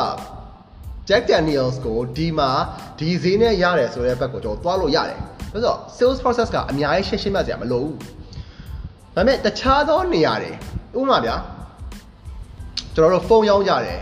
ဒါမှမဟုတ်လို့ရှိရင်ကျွန်တော်တို့အိမ်ရောင်းတယ်ကားရောင်းတယ်အဲ့လိုမျိုး sales process complex ဖြစ်တဲ့ဟာတွေရှိရယ်ရှုပ်တဲ့ဟာတွေရှိတယ်ဥပမာကားဆိုလို့ကားဆိုလို့ရှိရင်ကဘယ်လိုမျိုးဖြစ်သွားလဲဆိုတော့မကျွန်တော်ဆိုကားအကြောင်းလုံးဝနားမလဲဘူးဗျာအဲ့တော့ကားအကြောင်းလုံးဝနားမလဲတဲ့အချိန်မှာကျွန်တော်တို့မင်းကုန်းတွေတတိထွက်လာတယ်မင်းကုန်းတွေရှောက်ဝေးကြတယ်ဟိုဘယ်လိုမျိုးမေးလဲဆိုတော့ထားပါတော့ကျွန်တော်ဂီယာဘယ်နှချက်လဲတို့ ပြီးလို့ရှိရင်တနာကြီးကိုဘယ်နှမိုင်မောင်းလို့ရလဲတို့ပြီးလို့ရှိရင်ကျွန်တော်တို့ထားပါတော့ဘယ်လောက်ထိအီးဆက်ညံ့ညောလဲခုန်နေပါတွေကတဲ့မှာဘယ်လောက်ထိဘာ grade လဲညာ grade လဲကျွန်တော်လည်းမသိအဲ့တော့ပြောရရင်မသိဘူးဆိုတာကျွန်တော်တခါမှကား business ကိုကျွန်တော် marketing မလုပ်ပေးဘူးအဲ့တော့မလေ့လာထားဘူးပေါ့လေအဲ့ဒီဟာအဲ့တော့ကျွန်တော်လည်းမသိဘူးအဲ့တော့အဲ့ဒီ customer မေးတဲ့မေးနေတဲ့ဟာတွေကိုကျွန်တော်အရင်ဆုံးသိရတဲ့အချိန်မှာကျွန်တော် sales sales process ကအရန်ကြီးရှုပ်သွားပြီဆိုလို့ရှိရင်ကျွန်တော်တို့အဲ့ဒီဘက်ကိုတခါလဲတန်းသွားတာမဟုတ်ဘဲနဲ့ဘာလို့အရင်စလုပ်လဲဆိုတော့ဒီ branding ကိုကျွန်တော်အရင်ဆုံးစဖောက်တယ် branding ကိုကျွန်တော်တို့ဖောက်လာပြီဆိုလို့ရှိရင်လူတွေကဒီ brand ကိုစသိလာမယ်စပြီးတော့ကျွန်တော်အဲ့အဲ့ branding ဖောက်တဲ့အချိန်မှာလဲဒါ of course ဟိုကျွန်တော်စောစောကပြောလိုက်တဲ့အာလူတွေရဲ့စိတ်ထဲမှာဘလိုမျိုးလေးနေရာဝင်ယူမလဲဆိုတဲ့ဘက်ကိုကျွန်တော်ဦးစားပေးဖောက်တာ ဟိုလိုမျိုးကြီးကားထဲမှာအစ်မှာဟိုကီးက6ချက်ထိုးတာတော့ဟိုတနာရီဟို200 miles per hour လား miles kilo per hour လား I don't know ကျွန်တော်ကားသာမောင်းနေတာပြောတာမမှတ်မိဘူးဆိုတော့အဲ့ဒီဟာတက်စားလို့ရှိရင်ကျွန်တော်တို့က positioning လေးတစ်ခုကိုပြစ်သွင်းလိုက်တယ်ဥပမာကျွန်တော်တို့ရှင်းလင်းပြောမယ်ဆိုလို့ရှိရင်ဒါကျွန်တော်ကားပဲထားပါတော့ကျွန်တော် Mercedes တို့ BMW တို့ဆိုလို့ရှိရင်ဒါ luxury type ကျွန်တော်တို့သွားတဲ့ဟာမျိုးတွေလားဒါမှမဟုတ်ကျွန်တော်ဒီ SUV လိုမျိုး ဟိုဘယ်လိုခေါ်မလဲအဲ့ဘယ်ယောက်စီရလူ6ယောက်စီရလား10ယောက်စီရလားမသိဘူးအဲ့လိုမျိုးဆိုလို့ရှိရင်လေဒါကကျွန်တော်တို့မိသားစုဆိုတဲ့ဘက်ကိုကျွန်တော်လှမ်းချိတ်လို့ရတယ်ဒါမှမဟုတ်ရှင်ကျွန်တော် sport site ဆိုလို့ရှိရင်လုံးဝဆောင်းရမ်းခေါ်နေတဲ့အဲဘက်တွေကိုကျွန်တော်သွားလို့ရတယ်ပေါ့လေအဲ့တော့အဲ့ဒီလူတွေရဲ့ attention လူတွေကိုရော့ဒီမှာကာဝယ်ဆိုတဲ့ဟာမျိုးလဲဆိုလို့ရှိရင်လူတွေရဲ့ attentions ကိုကျွန်တော်အဲ့ဒီရတယ်ဆွဲခေါ်တာသူတို့လိုချင်တဲ့ lifestyle တွေပြတယ်သူတို့စိတ်ဝင်စားတဲ့ attention ဖြစ်နေတဲ့ topics မျိုးတွေကျွန်တော်တို့ပြတယ် ဥပမာ SUV ဆိုလို့ရှိရင်လည်းဘယ်လောက်ထိ safe ဖြစ်လဲဆိုတဲ့ဟာမျိုးကျွန်တော်ပြလို့ရတာပေါ့လေအဲ့တော့အဲ့ဒီ content တစ်ခုလိုတယ်ဆိုတော့ကျွန်တော်အဲ့ဒီ content ကကျွန်တော် content calendar တော့မဟုတ်ပါလေကျွန်တော်အဲ့ content တစ်ခုလိုတယ်အဲ့ဒီ content က video ဖြစ်တယ်ဆိုလို့ရှိရင်ပိုကောင်းတယ်အဲ့တော့ကျွန်တော်အဲ့ဒီ video ရလာပြီဆိုလို့ရှိရင်ကအများကြီး no brainer ဗျာဒီ lifestyle ကြီးကျွန်တော်တို့ဟိုကျွန်တော်တို့ product ဝယ်ဆိုလို့ရှိရင်ဒီ lifestyle ကိုရမယ်ဆိုတဲ့ဘက်ကိုကျွန်တော်ဆွတ်သွင်းလိုက်တာ အဲ့ဒီအဲ့ဒီ content ကိုပြပြီးတော့မှလူတွေကဘလောက်ရာခိုင်နှုန်းထိကြည့်သွားတယ်ဆိုတဲ့ဟာမျိုးကျွန်တော်တို့ like ကြည့်တယ်90% video view ပေါ့ကျွန်တော်2မိနစ်စာ3မိနစ်စာ4မိနစ်စာ maybe ကျွန်တော်တို့ဒီမြန်မာပြည်ကဆောင်းရမ်းဂွန်ရဲ့ဘဲကြီးတယောက်ဘဲကြီးတွေအိတ်ကာစီးနေရပေါ့လေအဲ့တော့သူ့ရဲ့ experience ကိုကျွန်တော်ရိုက်ပြထားတယ် maybe 9မိနစ်စာဖြစ်ရင်ဖြစ်မယ် right so ဘာလို့ဒီရုံးကလှုပ်ရှားလာပြီးတော့တင်မလားဘာဘာဘာညာစမကလာပေါ့လေကျွန်တော်နောက်ဆုံးမှာမှာဆောင်းရမ်းဂေါ်သွားတဲ့ဘဲကြီးဖြစ်သွားတယ်အဲ့ဘဲကြီးကဒီကားစီးနေတယ် ဆိုတဲ့ဟာမျိုးပေါ့အဲ့လိုအဲ့လိုမျိုးကြော်ညာကြီးပြလိုက်ပြီးတော့ကျွန်တော်9မိနစ်စာအောင်မှာ90 90%တော့ကြည့်သွားတဲ့သူတွေကိုကျွန်တော် retarget ထားပြီးတော့ဆော့ဆော့ကပြောတဲ့ကြော်ညာ product base ကိုပြန်ပြတယ်ဆိုလို့ရှိရင်ပို့ပြီးတော့ effective ဖြစ်တယ်။ဘာလို့ဆိုတော့ကျွန်တော်လူတွေရဲ့စိတ်ဝင်စားတဲ့ပုံစံကိုကျွန်တော်အရင်ဆုံးဆွဲခေါ်လိုက်တာ attention ကိုကျွန်တော်ဆွဲခေါ်လိုက်တာ attention ရပြီဆိုတော့မှအဲ့ attention များများပေးတဲ့သူတွေကို target ထားပြီးကျွန်တော်ဈေးရောင်းတဲ့ပုံစံမျိုးကိုကျွန်တော်ကသွားပါတယ်အဲ့ဒါကိုကျွန်တော်တို့ customer journey map buying လို့ကျွန်တော်တို့သုံးပါကျွန်တော်အခုဒီဘက်ဟို level up marketing group က client တွေတော်တော်များများကိုလည်း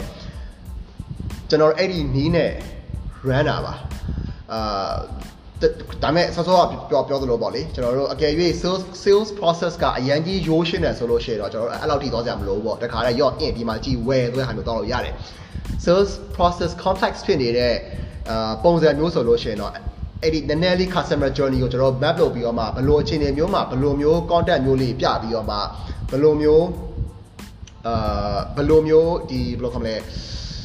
buying stage နဲ့ awareness ကိုဗာပြမယ် engage ကိုဗာပြမယ်ဒါတော့ကျွန်တော်တို့ marketing fundamental ပါကျွန်တော်တို့ AID model ပေါ့လေ item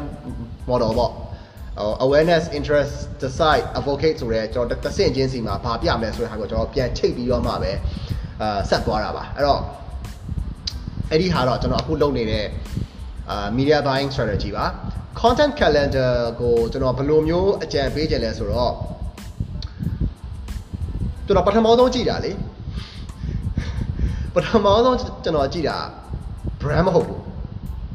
ကျွန်တော်အဲ့ဒီဟာကိုလည်းအာကျွန်တော်အရင်တစ်ပတ်ကလည်းပြောခဲ့တယ်တူတယ်အရင်တစ်ပတ်ကလည်းနှစ်ပတ်ကလည်းလို့ကျွန်တော်ပြောခဲ့တယ်တူတယ်အာကျွန်တော် client အမတယောက်ကျွန်တော်ပြန်ပြီးတော့ဟိုသတိပေးတော့မှကျွန်တော်အခုဒီ develop marketing group မှာကျွန်တော်ရဲ့ဒီ creative team ပေါ့ creative partners တွေကိုကျွန်တော်ပြန်ပြီးတော့ညှိပြန်ပြီး alignment ပြန်လုပ်ရတာပေါ့လေကျွန်တော်တို့ရဲ့ client တွေအတွက်ကိုကျွန်တော်တို့ run တဲ့ပုံစံက ဈေးရောက်တဲ့ပုံစံကိုကျွန်တော် run နေရမှာမဟုတ်ဘူးရဲ့ဟိုအဲ့ဒီဟာတော့တခြားသောအခု market မှာလုံနေတဲ့အာလူတွေနဲ့တော့ကျွန်တော်အတွေ့အနည်းနည်းလေးကွာနိုင်တယ်ဒါပေမဲ့ဟိုကျွန်တော်ယုံတဲ့ client တွေကတော့ဒါကျွန်တော် business ပေးတာပေါ့လေဆိုတော့ကျွန်တော်ဘယ်လိုတွေးလဲဆိုတော့ကျွန်တော်အရင်ဆုံးစဉ်းစားတာကကျွန်တော်တို့ရဲ့ target audience ကျွန်တော်တို့ TA ကိုစဉ်းစားတယ်ဗျာ ကျွန်တော် target audience ကို well define လုပ်ထားဖို့လိုမယ်အသက်ဘယ်လောက်ကနေဘယ်လောက်အထိ major target audience ပေါ့နော်အသက်ဘယ်လောက်ကနေဘယ်လောက်အထိပြီးရင် geographic ဘယ်လိုမျိုးတွေရှိလဲ psychographic ဘယ်လိုမျိုးတွေရှိလဲအဲ့ဒီသူတို့ဗမာနေလဲဘယ်လိုတွေတွေးလဲဆိုရယ်အဲ့ဒီ well define target audience တွေတခုတော့ကျွန်တော်လိုလိုက်မယ်အဲ့ဒါလေးရသွားပြီဥပမာကျွန်တော်အသက်20 20ရနေပြီးတော့အသက်30အရွယ်လူလက်ပိုင်း main ကလေးတွေကိုကျွန်တော် target ထားမဲ့ပုံစံမျိုးပေါ့လေကျွန်တော်အင်ဂျီပဲရောက်ရောင်းရပါပါဆိုရက် right ကျွန်တော်တို့အသက်20 30ကြာ main ကလေးကျွန်တော် target ထားမယ်ပြီးလို့ရှိရင်နည်းနည်းလေးအာဈေးမဆိုတော့လေးကြီးတယ်အဲ့တော့ကျတော့ပြီးတော့ကျွန်တော်တို့ဒီ online ကနေပြီးတော့ဈေးဝယ်တတ်တဲ့သူတွေကိုကျွန်တော် target ထားကြမယ် right အဲ့တော့သူတို့ကိုကျွန်တော်တို့ကဟို well define လုပ်လုပ်ချလိုက်တယ်ကျွန်တော်ဘယ်မျိုးတွေဘယ်မျိုးတွေဘယ်ဘယ်မျိုးတွေဘယ်ဘယ်မျိုးတွေကိုကျွန်တော်တို့ရဲ့ logistic ကရောက်နိုင်တယ်ဆိုတဲ့အချိန်မှာကျွန်တော်တို့အဲ့ဒီမျိုးတွေကိုစိတ်ဝင်စားတယ်အဲအဲ့ဒီမျိုးတွေမှာနေနေတယ် ဒီလောက်အသက်အရွယ်ဒီလောက်အသက်အရွယ်ဒီလောက် income ရှိနိုင်တဲ့အမျိုးသမီးလေးဆိုတော့ကျွန်တော် define လုပ်လုပ်ချလိုက်တယ်ပြီးတော့ကျွန်တော်အဲ့ဒါကိုဘာလုပ်လဲဆိုတော့ customer analyst ကျွန်တော်တို့ analyze စလုပ်တယ် analyst ဆိုတာလူပေါ့လေ customer analyze စလုပ်တယ်ကျွန်တော်တို့အခုဒီ level up ကနေပြီးတော့မှကျွန်တော်ရဲ့ ex colleague တယောက်ကိုဒီနေ့ပဲကျွန်တော် analyst အနေနဲ့ စပြီးတော့ကျွန်တော် partner app partner လုပ်ထားပါတယ်ဟိုကျွန်တော်စီကို analyst တယောက်စ join ပါတယ်ဆိုတော့ကျွန်တော်သူသူနဲ့အာ market ကို analyze လုပ်ပြီးတော့မှကျွန်တော်တို့ client တွေကိုဆက်ပြီးတော့ဟို serve လုပ်ပေးဖို့အတွက်ကိုလည်းကျွန်တော်ဒါကတပိုင်းကျွန်တော်ရည်ရွယ်ထားတယ်ပေါ့လေဆိုတော့ content calendar မလာခင်အဲ့ဒီ market analysis အရင်ဆုံးလုပ်သင့်တယ်လို့ကျွန်တော်အမြဲတမ်းပြောတယ်အဲ့တော့ market ကို analysis လုပ်ပြီးတော့မှကိုယ့်ရဲ့ ဒီ customer ကဘာတွေကိုစိတ်ဝင်စားနေရလဲဘယ်လိုမျိုးအကြောင်းအရာတွေစိတ်ဝင်စားနေရလဲဥပမာဗျာအရင်လာဆိုလို့ရှိရင်လုံးဝကြီးခေါက်ထက်သွားတာဘာလဲဆိုတော့အဲ့ tarot ဟောက်တဲ့ဟာမျိုးတွေစောင်းဟော့တယ် main ကလေးတိုင်းစိတ်ဝင်စားတယ်ကျွန်တော်ကျွန်တော်ရဲ့ဒီဒီ LS ခိုင် Facebook page မှာတော့မှကျွန်တော်တင်ပြီးတော့မေးရတဲ့ activity ဖြစ်သွားတာပေါ့လေ။ဘာကြောင့်လူတွေကအဲ့ဒါကိုစိတ်ဝင်စားနေရလဲဆိုတော့ကျွန်တော်တတိထားမိတာက self confirmation ဖြစ်ချင်တယ် self assurance ဖြစ်ချင်တယ်တဲ့မလားအာငါဒါလေးလုပ်ပါတယ်ငါဒီလိုလူပါဆိုတဲ့ဟာမျိုးကိုလည်းထုတ်ပြခြင်းတယ်ဆိုတော့ပုံစံမျိုးတွေနဲ့ကျွန်တော်တို့ဒီ tarot စီကိုသုံးကြတယ်ဆိုတော့ကြတော့အဲ့ဆော့ဆော့ပြောတဲ့ self confirmation စီ self assurance တွေကကျွန်တော်တို့ fashion မှာဘလို့ပြန်ချိတ်လို့ရမယ်ကျွန်တော်တို့ရဲ့ brand positioning ကဘလို့မျိုးလေးဖြစ်နိုင်လဲဥပမာဟို comfortable ဘက်ကိုကျွန်တော်သွားထားတာလားဒါမှမဟုတ် fashionable ဖြစ်ကိုကျွန်တော်သွားထားတာလား confident ဘက်ကိုကျွန်တော်သွားထားတာလားဘလို့မျိုး positioning မျိုးကိုကျွန်တော်သွားထားလဲဆိုတော့အဲ့ဒီအချိန်မှာကျွန်တော် brand positioning နဲ့စောစောကဒီ customer market insight ပေါ့လေ market insight နဲ့ brand position နဲ့ကိုကျွန်တော်ချိတ်လိုက်တယ်အဲ့ဒီလိုမျိုးချိတ်ပြီးရဲ့အချိန်မှာကျွန်တော်တို့နောက်လာအတွက်ကို content topic လေးတစ်ခုထွက်လာတယ်တစ်ခုအများကြီးမလို့တစ်ခုပဲလို့တာအဲ့တော့အဲ့ဒီကျွန်တော်တို့ရဲ့ target audience စိတ်အယမ်းဝင်စားတဲ့ topic လေးတစ်ခုကျွန်တော်တို့ brand နဲ့လည်းဆက်ဆက်လို့ရမယ် market insight ကလည်းဒီကျွန်တော်တို့ရဲ့ target audience ကဒါကိုစိတ်ဝင်ဝင်စားနေပါတယ်ဆိုတော့အဲ့ဒီနှစ်ခုချိတ်သွားတဲ့နေရာလေးတစ်ခုအဲ့ဒီတစ်ခုရပြီဆိုလို့ရှိရင်ကဒါကျွန်တော်တို့နောက်ပိုင်းကအဲ့ဒီတစ်ခုတည်းကိုပဲကျွန်တော်တို့ brand နဲ့ကျွန်တော် brand နဲ့ဘယ်လိုပြန်ချိတ်ပြီးတော့မှကျွန်တော်တို့ဆက်သွားကြမှာလဲ ဘယ်လိုမျိုး promotion တွေကျွန်တော်တို့လုပ်ကြမှာလဲဘယ်လိုမျိုး content မျိုးတွေကျွန်တော်တို့ပြန်ခွဲခြားပြီးတော့မှဆက်ပြီးရေးမှာလဲဆိုတော့ idea ဘက်ကိုကျွန်တော်သွားပါတယ်အဲ့တော့ကျွန်တော်ဘာကိုအခြေခံလိုက်လဲဆိုတော့လေ media ကိုကျွန်တော်အခြေခံတာပါအဲ့ဒီ idea က media တွေမှာဖတ်ကြည့်ကြည့်ဗျာကျွန်တော်တို့ကြိုက်တဲ့ magazine စာအုပ်တော့ကျွန်တော်နားမှာ magazine စာအုပ်ရှိတာလေကျွန်တော်နားမှာ magazine စာအုပ်မရှိဘူးည okay ကျွန်တော်နားမှာဒီ magazine စာအုပ်တော့ရှိရယ် CEO magazine ပေါ့လေကျွန်တော် B2B ရဲ့အရင်တော့ B2B magazine နဲ့ကျွန်တော် CEO magazine CEO တော့အလောင်းဖြစ်မဖတ်ဖြစ်ဘူး B2B magazine ဖတ်ဖတ်တာများတယ်ဒါပေမဲ့အနားမှာရှိရ CEO magazine ဆိုတော့ CEO ပေါ့လေအဲ့တော့ဒီမှာဆိုလို့ရှိရင်သူကဘာပြောထားလဲဆိုတော့နှစ်30 World Wide Web နဲ့ Internet နည်းပညာလုပ်ငန်းပုံစံတက်များဆိုပြီးတော့ဒါကသူတို့ရဲ့ cover story သူတို့ရဲ့ cover story ကျွန်တော်တို့ brand တွေရဲ့တလာချင်းစီရဲ့ cover story ရောပါလဲ ကျွန်တော်အဲ့တော့အမြဲအဲ့ဒီ topic နဲ့ကျွန်တော်ပြန်ချိန်တယ်ဖြစ်တာအဲ့တော့ကျွန်တော်တို့ brand ကလည်း social media ဖြစ်နေတဲ့အတွက်ကြောင့်ကျွန်တော်တို့က media တစ်ခုလိုမျိုးစပြီးစဉ်းစားတဲ့အချိန်ရောက်တာကြာခဲ့ပြီပါပြီကျွန်တော်အခုမှတော့မဟုတ်ပါဘူးကျွန်တော်စပြီးစဉ်းစားခိုင်းနေတာ2019ကလေးက media တစ်ခုလိုစဉ်းစားကြပါ media တစ်ခုစဉ်းစားကြတော့ပြောနေတာအဲ့တော့ cover story ကိုကျွန်တော်တို့က cover photo အနေနဲ့လည်းကျွန်တော်တို့ပြောင်းတိုက်လို့ရတယ်ပြီးတော့အဲ့ဒီ topic တစ်ခုတည်းပေါ်မှာမှကျွန်တော်တို့ကမူတည်ပြီးတော့သူတို့ဆိုလို့ရှိရင်ဗျာအထဲမှာရေးထားတဲ့ဒီဒီ sound bar တွေအကုန်လုံးပေါ့လေအဲ့ဒါတွေအကုန်လုံးကဒီဆော့ဆော့ကဒီ world wide web နဲ့ပတ်သက်တဲ့ပုံစံမျိုးတွေပိုပြီးတော့များတယ်အဲ့တော့ဒီ topic တစ်ခုကိုအခြေခံလိုက်ပြီးတော့မှအဲ့ topic ကိုကျွန်တော်တို့ဘယ်လိုမျိုး content မျိုးလေးတွေဖြာထွက်မလဲဆိုတဲ့ပုံစံမျိုးနဲ့ကျွန်တော်တို့စဉ်းစားလို့ရပါတယ်အဲ့တော့အဲ့ဒီကနေပြီးတော့မှကျွန်တော်တို့အာ brand အကြောင်းကိုကျွန်တော်ဘယ်လိုပြောမှာလဲကျွန်တော်တို့ engage ဘယ်လိုတွားကြမှာလဲဒါမှမဟုတ်ကျွန်တော် promotion ဘယ်လိုတွားကြမှာလဲဆိုတော့ content pillars တွေကျွန်တော်တို့ဆက်ပြီးတော့ဆွဲပါတယ်အဲ့တော့အဲ့ဒီဟာတော့ဒါကျွန်တော်တို့ level up marketing group ကနေပြီးတော့လုပ်နေတာကိုကျွန်တော်ပြောပြတာပါအာ yeah ဒီဒီ market ဒီ market ကြီးကပြောရမယ်ဆိုလို့ရှိရင် ဟို red ocean မဟုတ်ပါဘူး blue ocean ပါကျွန်တော်အမြဲတမ်းဟို blue blue ocean market ကိုပဲယုံပါတယ်ကျွန်တော်ကျွန်တော်ပြောလိုက်လို့ကျွန်တော် competitor competitor လည်းပြောမယ်မဟုတ်ပါဘူးကျွန်တော်ကျွန်တော်ရဲ့ business model က partnership model ဆိုတော့တခြားသော agency ကလူတွေကြားသွားပြီးဒီဟာအတိုင်းလိုက်လိုက်လုပ်တယ်ဆိုတော့ကျွန်တော်ကပိုတော်သဘောကျသေးတယ်သူတို့နဲ့ကြိုက်လို့သူတို့ client ရဲ့ customer ကသဘောကျလို့ပို့ဝယ်ဆိုလို့ရှိရင်ကျွန်တော်တို့တနိုင်ငံလုံးရဲ့ economics ကပို့ပြီးတော့အခြေအနေကောင်းလာ မယ်လို့ကျွန်တော်ယူဆတဲ့အတွက်ကြောင့်ကျွန်တော်ဒီဟာတွေကိုကျွန်တော်တို့ဘာလုပ်နေလဲဆိုတဲ့ဟာအစပြောပြောပြပေးနေရပါအဲ့တော့ hopefully ကိုမင်းဟန်မျိုးထွတ်အနေနဲ့အာအကျိုးရှိမယ်လို့ကျွန်တော်မျှော်လင့်ပါတယ် okay အဲ့တော့ကျွန်တော်တို့ဖြေတာတော့ပြီးသွားပြီအဲ့တော့အခုကျွန်တော်ကိုဒီ YouTube နဲ့ Facebook ကနေပြီးတော့မေးထားတာမေးခွန်းလေး၃ခုရှိတယ်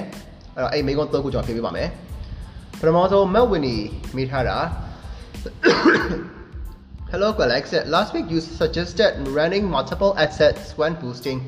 can you elaborate more on that please thanks ဆိုတော့အာဟုတ်ကဲ့ကျွန်တော်တို့က multiple assets ဆိုတာဘာဘယ်လိုမျိုး run လဲဆိုတော့ Facebook မှာကျွန်တော်တို့ campaign budget optimization ဆိုတဲ့ဟာနဲ့ကျွန်တော်တို့ run ပါတယ်ပြောမှဆိုလို့ရှိရင်ညာကျွန်တော်တို့ရဲ့ကြော်ညာပေါ့လေကျွန်တော်ဒီစာအုပ်ရောင်းမယ်ကျွန်တော်အရန်ကြိုက်တဲ့စာအုပ် ကျွန်တော်ရဲ့ senior ကိုရာစာအောင်အာမိုခါပေါ့လေကိုရာစာအောင်ကျွန်တော် suggest ပေးထားတဲ့စာအုပ်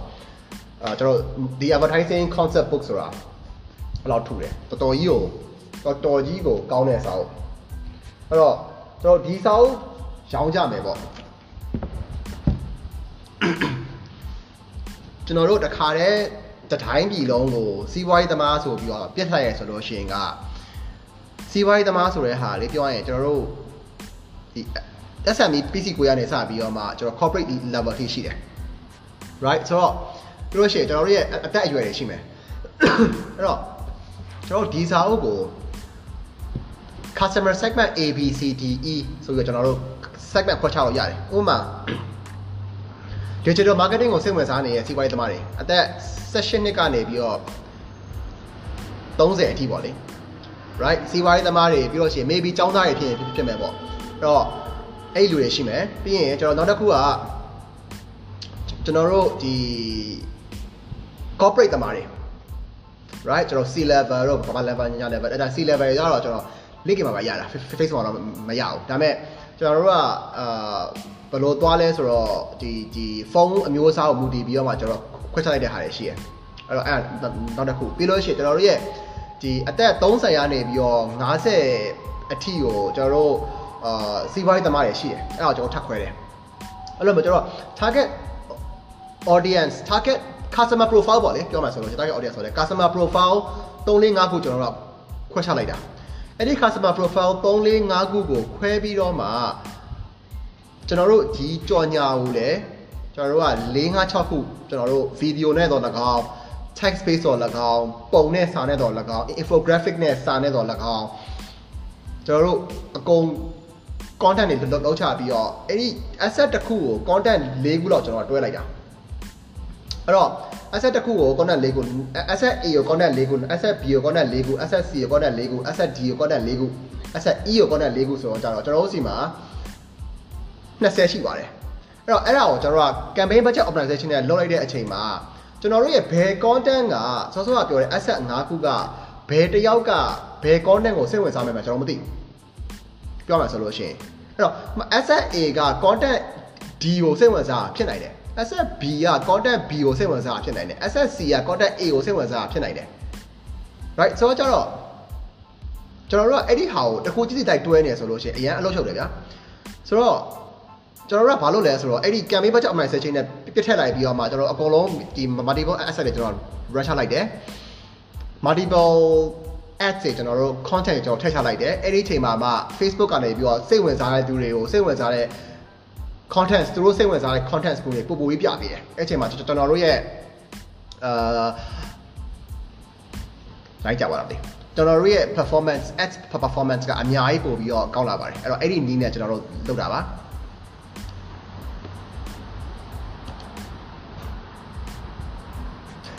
ကိုကောင်းတဲ့မေးထားတာကို Alex ရဲ့18 hour challenge ကို burn out ဖြစ်မှာတော့ဘယ်လိုလုပ်လဲတဲ့နောက်တစ်ခုကအလုံးနဲ့ learning ဘယ်လိုတွဲလုပ်လဲတဲ့ operation daily task တွေမှာနစ်မသွားဘယ်လိုလုပ်ရမလဲတဲ့ okay ကျွန်တော်နှစ်နည်းနဲ့ကျွန်တော်ဖြေပေးမယ်တနည်းကကြတော့ကျွန်တော်အခုအချိန်ပေါ့လေနောက်တနည်းကကြတော့ကျွန်တော်အရင်တော့ပေါ့အရင်တော့ပေါ့ဆိုတော့အခုကတော့ကျွန်တော်စီမှာကျွန်တော်ကိုဝိုင်းပြီးကူပေးနေရကျွန်တော် partner တွေရှိရကျွန်တော် team ရှိရဆိုတော့ကြတော့အာ ကျွန်တော် learning ကိုပို့ပြီးတော့လုပ်လို့ရတယ်ပြောရင်ကျွန်တော်အလုပ်လုပ်တာလဲကျွန်တော် learn part of learning ပါဆိုတော့ကျွန်တော်အခုအချိန်ကတော့ဆော့ဆော့ပြောသလိုမျိုးဟိုအရေးကြီးတာမြန်မာနိုင်ငံကကျွန်တော်အရင်တော့ကျွန်တော်ကိုယ်တိုင်နဲ့ဖြစ်ခဲ့မှုပါတယ်ဟို delegate မလုပ်တတ်ဘူး delegate မလုပ်တတ်ဘူးဆိုတာလေကိုယ့်ရဲ့အလုပ်တွေကိုကိုယ့်ပြောရရင် partner စေအမကိုယ့်ကိုဝိုင်းကူပေးနေတဲ့သူတွေစီကိုကျွန်တော်တို့ကမလွှဲပေးဘဲနဲ့အကုန်လုံးတင်းကြုံပြီးတော့ ဟိုကိုယ့်စီမှာပဲထားလာတက်တဲ့အကျင့်တွေရှိနေကြတာများတယ်ဆိုတော့အဲ့ဒီဟာကိုကျွန်တော်ဆရာမအိုင်လင်းကကျွန်တော်ဆဲတယ်နင်း delegate လုပ်နင်းခေါင်းတစ်ခုတည်းနဲ့နင်းတစ်ခုနင်းဒီဟာကိုလုပ်နေတဲ့အချိန်မှာနောက်တစ်ခုကိုနင်းဘယ်လိုလုပ်မှာလဲအဲ့တော့ priority ခွဲ priority ခွဲပြီးတော့မှ delegate delegate လုပ်ဆိုပြီးတော့ကျွန်တော်အမြင်နဲ့တင်ပြတယ်အဲ့တော့အဲ့ဒီသူတင်တဲ့ပုံစံကြောင့်ပဲဒါအာကျွန်တော်အနေနဲ့ ဒီအချိန်မှာနည်းနည်းလေးပို့ပြီးတော့အဆင်ပြေသွားတာပေါ့လေဆိုတော့ပထမမိကို18 hours challenge ကို burn out မဖြစ်အောင်ဘယ်လိုလုပ်လဲဆိုတော့ကျွန်တော် burn out မဖြစ်အောင်ဘယ်လိုလုပ်လဲဆိုတော့ကျွန်တော်ကျွန်တော်စီမှာလည်း of course personal time တွေရှိတယ်ဥပမာကျွန်တော်ထမင်းစားတဲ့အချိန်တို့ကျွန်တော်မနေ့အိယာချမျက်နှာတဲ့သွားတိုက်တဲ့အချိန်တို့ကျွန်တော်ရေချိုးတဲ့အချိန်တို့ right အဲ့လိုမျိုး personal time တွေရှိတယ် အဲ့တော့အဲ့လိုမျိုး personal time တွေနောက်နောက်ဆုံးပြန်ကျွန်တော်ကားမောင်းတဲ့အချိန်တွေရှိရဗျာပွင့်လင်းပြောမယ်ဆိုလို့ရှိရင်အဲ့လို personal time တွေမှာကျွန်တော်ဒီ podcast ကိုအမြဲတမ်းနားထောင်နေရှိတယ်ကျွန်တော်ဒီ Amazon ရဲ့ Audible ဆိုတဲ့ဒီအတန်နဲ့ဖတ်ပြတဲ့စာဖတ်ပြတဲ့ဟာတွေကျွန်တော်အိတ်ဆောက်တွေကျွန်တော်ဝယ်ထားတယ်ကျွန်တော်ကားမောင်းလို့ရှိရင်ကားပိတ်ရင်အဲ့ဒီဟာကျွန်တော်ဖွင့်လာတာနားထဲမှာကျွန်တော်ပြန်ကြားနေရတယ်ပေါ့လေအဲကြောင့်လည်းကျွန်တော်ဒီကျွန်တော်ရဲ့ Ask Alex ကိုကျွန်တော် podcast ကိုအသေးအတန်ရွှေ့တာဘာလို့ဆိုတော့ podcast ဒီ ကျွန်တော်တို့နောက်ပိုင်းလူတွေအနေနဲ့ရောက်လာနိုင်တဲ့နေရာလေးတစ်ခုဖြစ်ဖို့ပို့ပြီးတော့များတယ်ဆိုတော့ podcast ကျွန်တော်နားထောင်တယ်အဲ့အချိန်မှာကျွန်တော်ရဲ့ခေါင်းက learning ကျွန်တော်အနေနဲ့တစ်ခုရတယ်ပြီးတော့ကျွန်တော်ကကျွန်တော်ရဲ့ learning process ကကျွန်တော်ဘယ်လိုသွားရလဲဆိုတော့ကျွန်တော်တခုခုခေါင်းထဲဝင်နေပြီဟို podcast ပဲဖြစ်ဖြစ်ဒါမှမဟုတ်ကျွန်တော်စာဖတ်တာပဲဖြစ်ဖြစ်ဒါမှမဟုတ်ကျွန်တော်ရုပ်ရှင်ကြည့်တာပဲဖြစ်ဖြစ်နောက်ဆုံးကျွန်တော်ရုပ်ရှင်ကြည့်တာမှာကျွန်တော်က learning တစ်ခုရအောင်ကျွန်တော်ကြည့်တယ် biography ဖြစ်ဖြစ်ပေါ့လေကျွန်တော်တို့ McDonald ရဲ့ ဟို the founder လိုမျိုးဟာတွေဒါမှမဟုတ် social network ကျွန်တော်တို့ Facebook ရဲ့ကြောင်ညာအဲ video မျိုးတွေအဲ့လိုမျိုးကျွန်တော်ကြည့်ရဆိုလို့ရှိရင်ကကျွန်တော်ခေါင်းထဲမှာဘလို့အလုံးအလုံးဘလို့အလုံးလုပ်လဲဆိုတော့ကျွန်တော်ဒီ current situation ကျွန်တော်အခုဖြစ်နေတဲ့ပုံစံတွေနဲ့ကျွန်တော်အမြဲတိုက်စစ်တယ်ဥပမာကျွန်တော်ဟိုတနေ့က red ဆိုတဲ့ဒီ red marketing ဆိုတဲ့ IED ဆိုတဲ့ဒီ yarn ပေါ့လေ KFC က marketing အဲစာအုပ်ကျွန်တော်အဲ့ဒါကိုဖတ်နေရပြီးတော့ကျွန်တော်အဲ့ audible လည်းကျွန်တော်ဝယ်ထားတော့အဲ့ဒါကိုကျွန်တော်နားထောင်နေရပေါ့လေပြီးတော့ကျွန်တော်အဲ့ဒီနားထောင်နေရင်းနဲ့ကျွန်တော်ဒီဘက်ကောင်ကဘလို့အလုပ်လုပ်လဲနေအလုပ်လုပ်နေလဲဆိုတော့သူတို့ပြောတဲ့ဟာတွေရဲ့ပုံစံတွေကိုကျွန်တော်တို့ marketing မှာဘလို့ပြန်ပြီးတော့အသုံးဝင်လဲဘလို့ပြန်ပြီးတော့အသုံးချလို့ရလဲဆိုတာဟိုဒီတွေကဝင်တာနဲ့ကျွန်တော်ခေါင်းအဲ့ process ကိုအလုပ်လုပ်တယ်အဲ့တော့အဲ့ဒီအချိန်မှာဟို ကျွန်တော်ဒီဟို having fun ပေါ့လေအဲ့ဒါတခုဖြစ်တယ်အဲ့တော့ပြီးပြီဆိုတာနဲ့ကျွန်တော်နေမနာတဲ့တော်တော်တိုက်ပြီးပြီအဲ့ high ပြီးပြီဆိုတာနဲ့ကျွန်တော်တခါတည်းကွန်ပျူတာရှေ့ကိုလာတယ်အလုပ်စလုပ်တယ်ကျွန်တော်ဘလို့ဘယ်လောက်ထိအလုပ်လုပ်လဲဆိုတော့ကျွန်တော်ပျော်သလောက်လုပ်တယ်အရန်ကြီးခေါင်းရှုပ်လာပြီဆိုလို့ရှိရင်ကျွန်တော်ဘာပြန်လုပ်လဲဆိုတော့ဆော့ဆော့လိုမျိုးစာအုပ်ပြန်ဖတ်တာပဲဖြစ်ဖြစ်ဒါမှမဟုတ်လို့ရှိရင်ကျွန်တော်အာ podcast ရမ်းထားမှာဖြစ်ဖြစ်ဒါမှမဟုတ်ကျွန်တော်နောက်တစ်ခုပါလို့လဲဆိုတော့အဲ့ဒီအလုပ်ကိုခဏချလာပြီကျွန်တော်နောက်နောက်ထပ်အလုပ်တစ်ခုလုပ်တယ် ဟိုကျွန်တော်အမြဲတမ်းနိုင်ဝက်နိုင်ဝက်နိုင်ဝက်နိုင်ဝက်ပေါ့လေအဲ့လိုနိုင်ဝက်လေးကျွန်တော်အမြဲတမ်းခွဲလိုက်ပြီးတော့မှအဲ့ဒီအလုပ်တွေကိုကျွန်တော်ပြောင်းပြောင်းပြောင်းပြောင်းပြောင်းကြီးကိုကျွန်တော်လုပ်သွားတယ်အဲ့ချိန်မှာ burn out မဖြစ်ဘူးလို့အဲ့ဒီဟာကြောင့်ကျွန်တော် burn out မဖြစ်တာလို့တော့ကျွန်တော်ထင်တာပဲ။ဆိုတော့အရေးကြီးတာကတော့ marketing လောက်อ่ะကျွန်တော်ပြောနေရအောင်ဆိုတော့ကျွန်တော်18 hours challenge ကပြောရရင်ကျွန်တော်ပြောနေရကျွန်တော်လုပ်နေရတာဆိုတော့အဲ့လောက်ကြီးကျွန်တော်ခေါင်းမဆာဘူး သိရမလားဟိုပြဿနာဖြစ်ရင်တော့မှကျွန်တော်ဟိုပြဿနာကိုပျော်ပျော်ကြီးကျွန်တော်ရှင်းနေတက်တက်တဲ့အချင်းရှိရဆိုတော့ကျွန်တော်အဆင်ပြေတယ်အဲ့နောက်တစ်ခုအာကျွန်တော်ဒါကတော့အခုအချိန်ပေါ့လေအရင်အချိန်တုန်းကတော့ကျွန်တော်ဘလို့ဘလို့လောက်ရလဲဆိုတော့အဲ့ဒီအာပြောရရင်ဘာစကားစီးရဲ့အခြေအနေမှာကျွန်တော်စာအုပ်ဖတ်တဲ့အချင်းရှိတယ်အာပြီးလို့ရှိရင်ဆော့ဆော့ပြောတဲ့ဒီသမင်းစားတဲ့အချိန်တွေမှာကျွန်တော်စာအုပ်ဖတ်တဲ့အချင်းရှိတယ်ပြီးတော့အရင်တော့ဆိုကျွန်တော်ကျွန်တော် senior ဆိုတော့ကျွန်တော်အရန်စကားပြောတယ်အာ ကျွန်တော်ဂျေမတ်တုံးကဆိုလို့ရှိရင်အဲ့မှာကျွန်တော်ရဲ့ကျွန်တော်ရဲ့ CMO ဂျွန်ဟန်ရှိတယ်ပြီးလို့ရှိရင်ကျွန်တော် Samsung မှာဆိုလို့ရှိရင်ကျွန်တော် mentor ကို Richard ရှိတယ် CMH ရောက်ရောက်တော့လည်းကျွန်တော် mentor Eileen ရှိတယ်အာဗာလေ Pink Sun မှာလည်း Eileen ရှိတယ်ဆိုတော့ကျတော့သူတို့နဲ့ကျွန်တော် chat လုပ်တယ်စကားပြောတယ်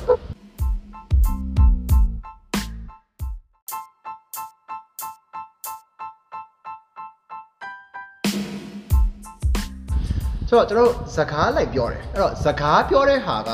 ဘာရလဲဆိုတော့သူတို့ရဲ့ experience ကျွန်တော်တို့ရတယ်ကျွန်တော်ဘာမြင်လဲဆိုတော့ဗျာကျွန်တော်အရင်တော့ဖတ်ရပါတယ်ဒီ Phil Kotler တို့အဲပြီးလို့ရှိရင်ကျွန်တော်အခုဒီ advertising book ပဲဖြစ်ဖြစ်ပြောချင်ကျွန်တော်နောက်ကစောက်စင်မှာစောက်တွေအဲ့ဟာတွေကျွန်တော်ဖတ်ကြည့်ပြီးတဲ့အချိန်မှာကျွန်တော်စောက်တော်တော်များများမြန်မာနိုင်ငံရဲ့ experience မြန်မာနိုင်ငံမဟုတ်ပါဘူးကျွန်တော်တို့ဒီ Asian experience မဟုတ်ဘူး Western experience ကိုမှအခြေခံပြီးတော့ maybe တို့ worldwide ဒီအခြေခံပြီးတော့ရေးထားတဲ့စာအုပ်တွေပေါ့လေအဲ့တော့အဲ့ဒါက more on ဒီ theory တွေပုံစံမျိုးပို့ပြီးတော့များတယ်ကျွန်တော်က theory နဲ့စာလို့ရှိရင်ကျွန်တော် practical ကိုပိုချစ်တာ哦ကျွန်တော်က customer ရဲ့ comments ကိုဖတ်နေရတာပိုကြိုက်တာ哦ဒီစာအုပ်တွေဖတ်နေရစာလို့ရှိရင်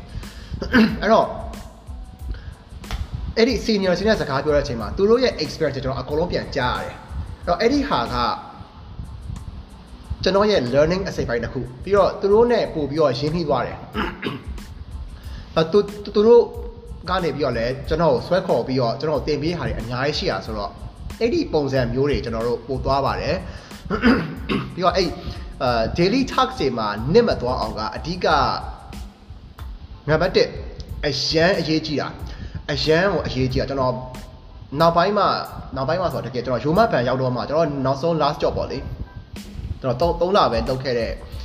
ရိုမတ်ဘန်ရောက်တော့မှကျွန်တော်သိလာတာဗာလဲဆိုတော့အရေးကြီးတာဒီ speak up လုပ်ဖို့ပါ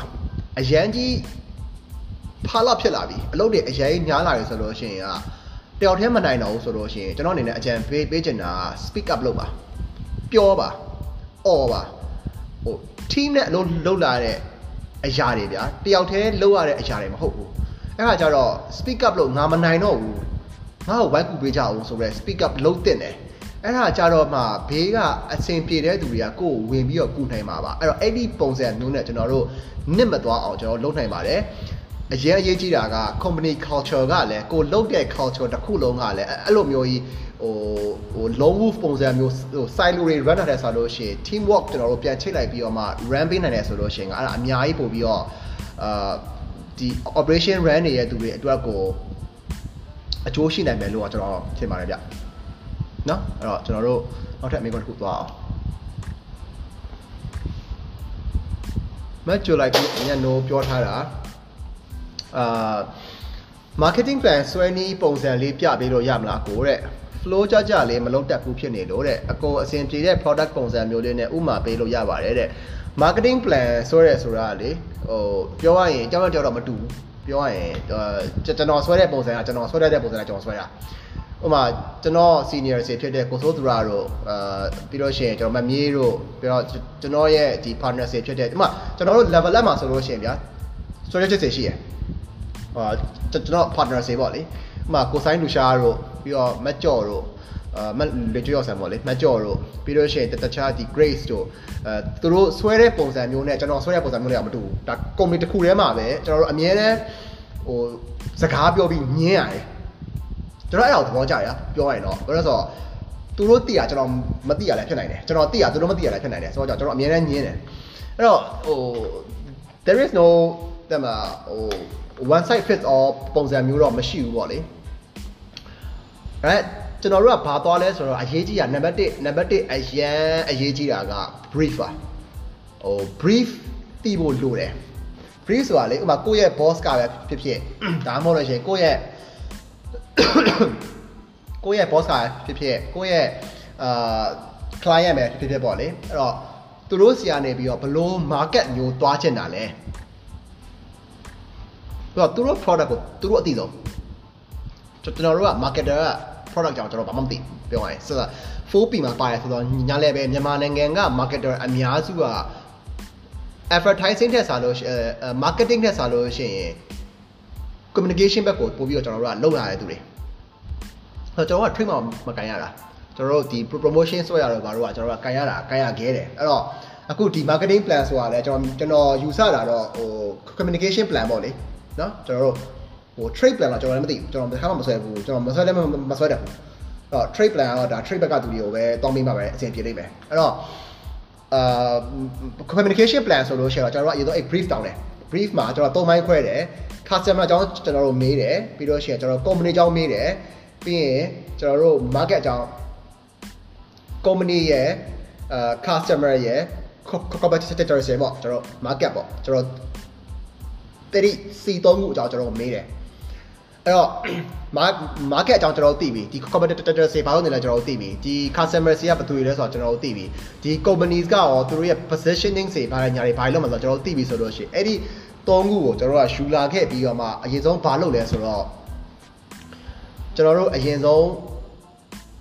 analyze ကျွန်တော်စလုပ်တယ် market ကို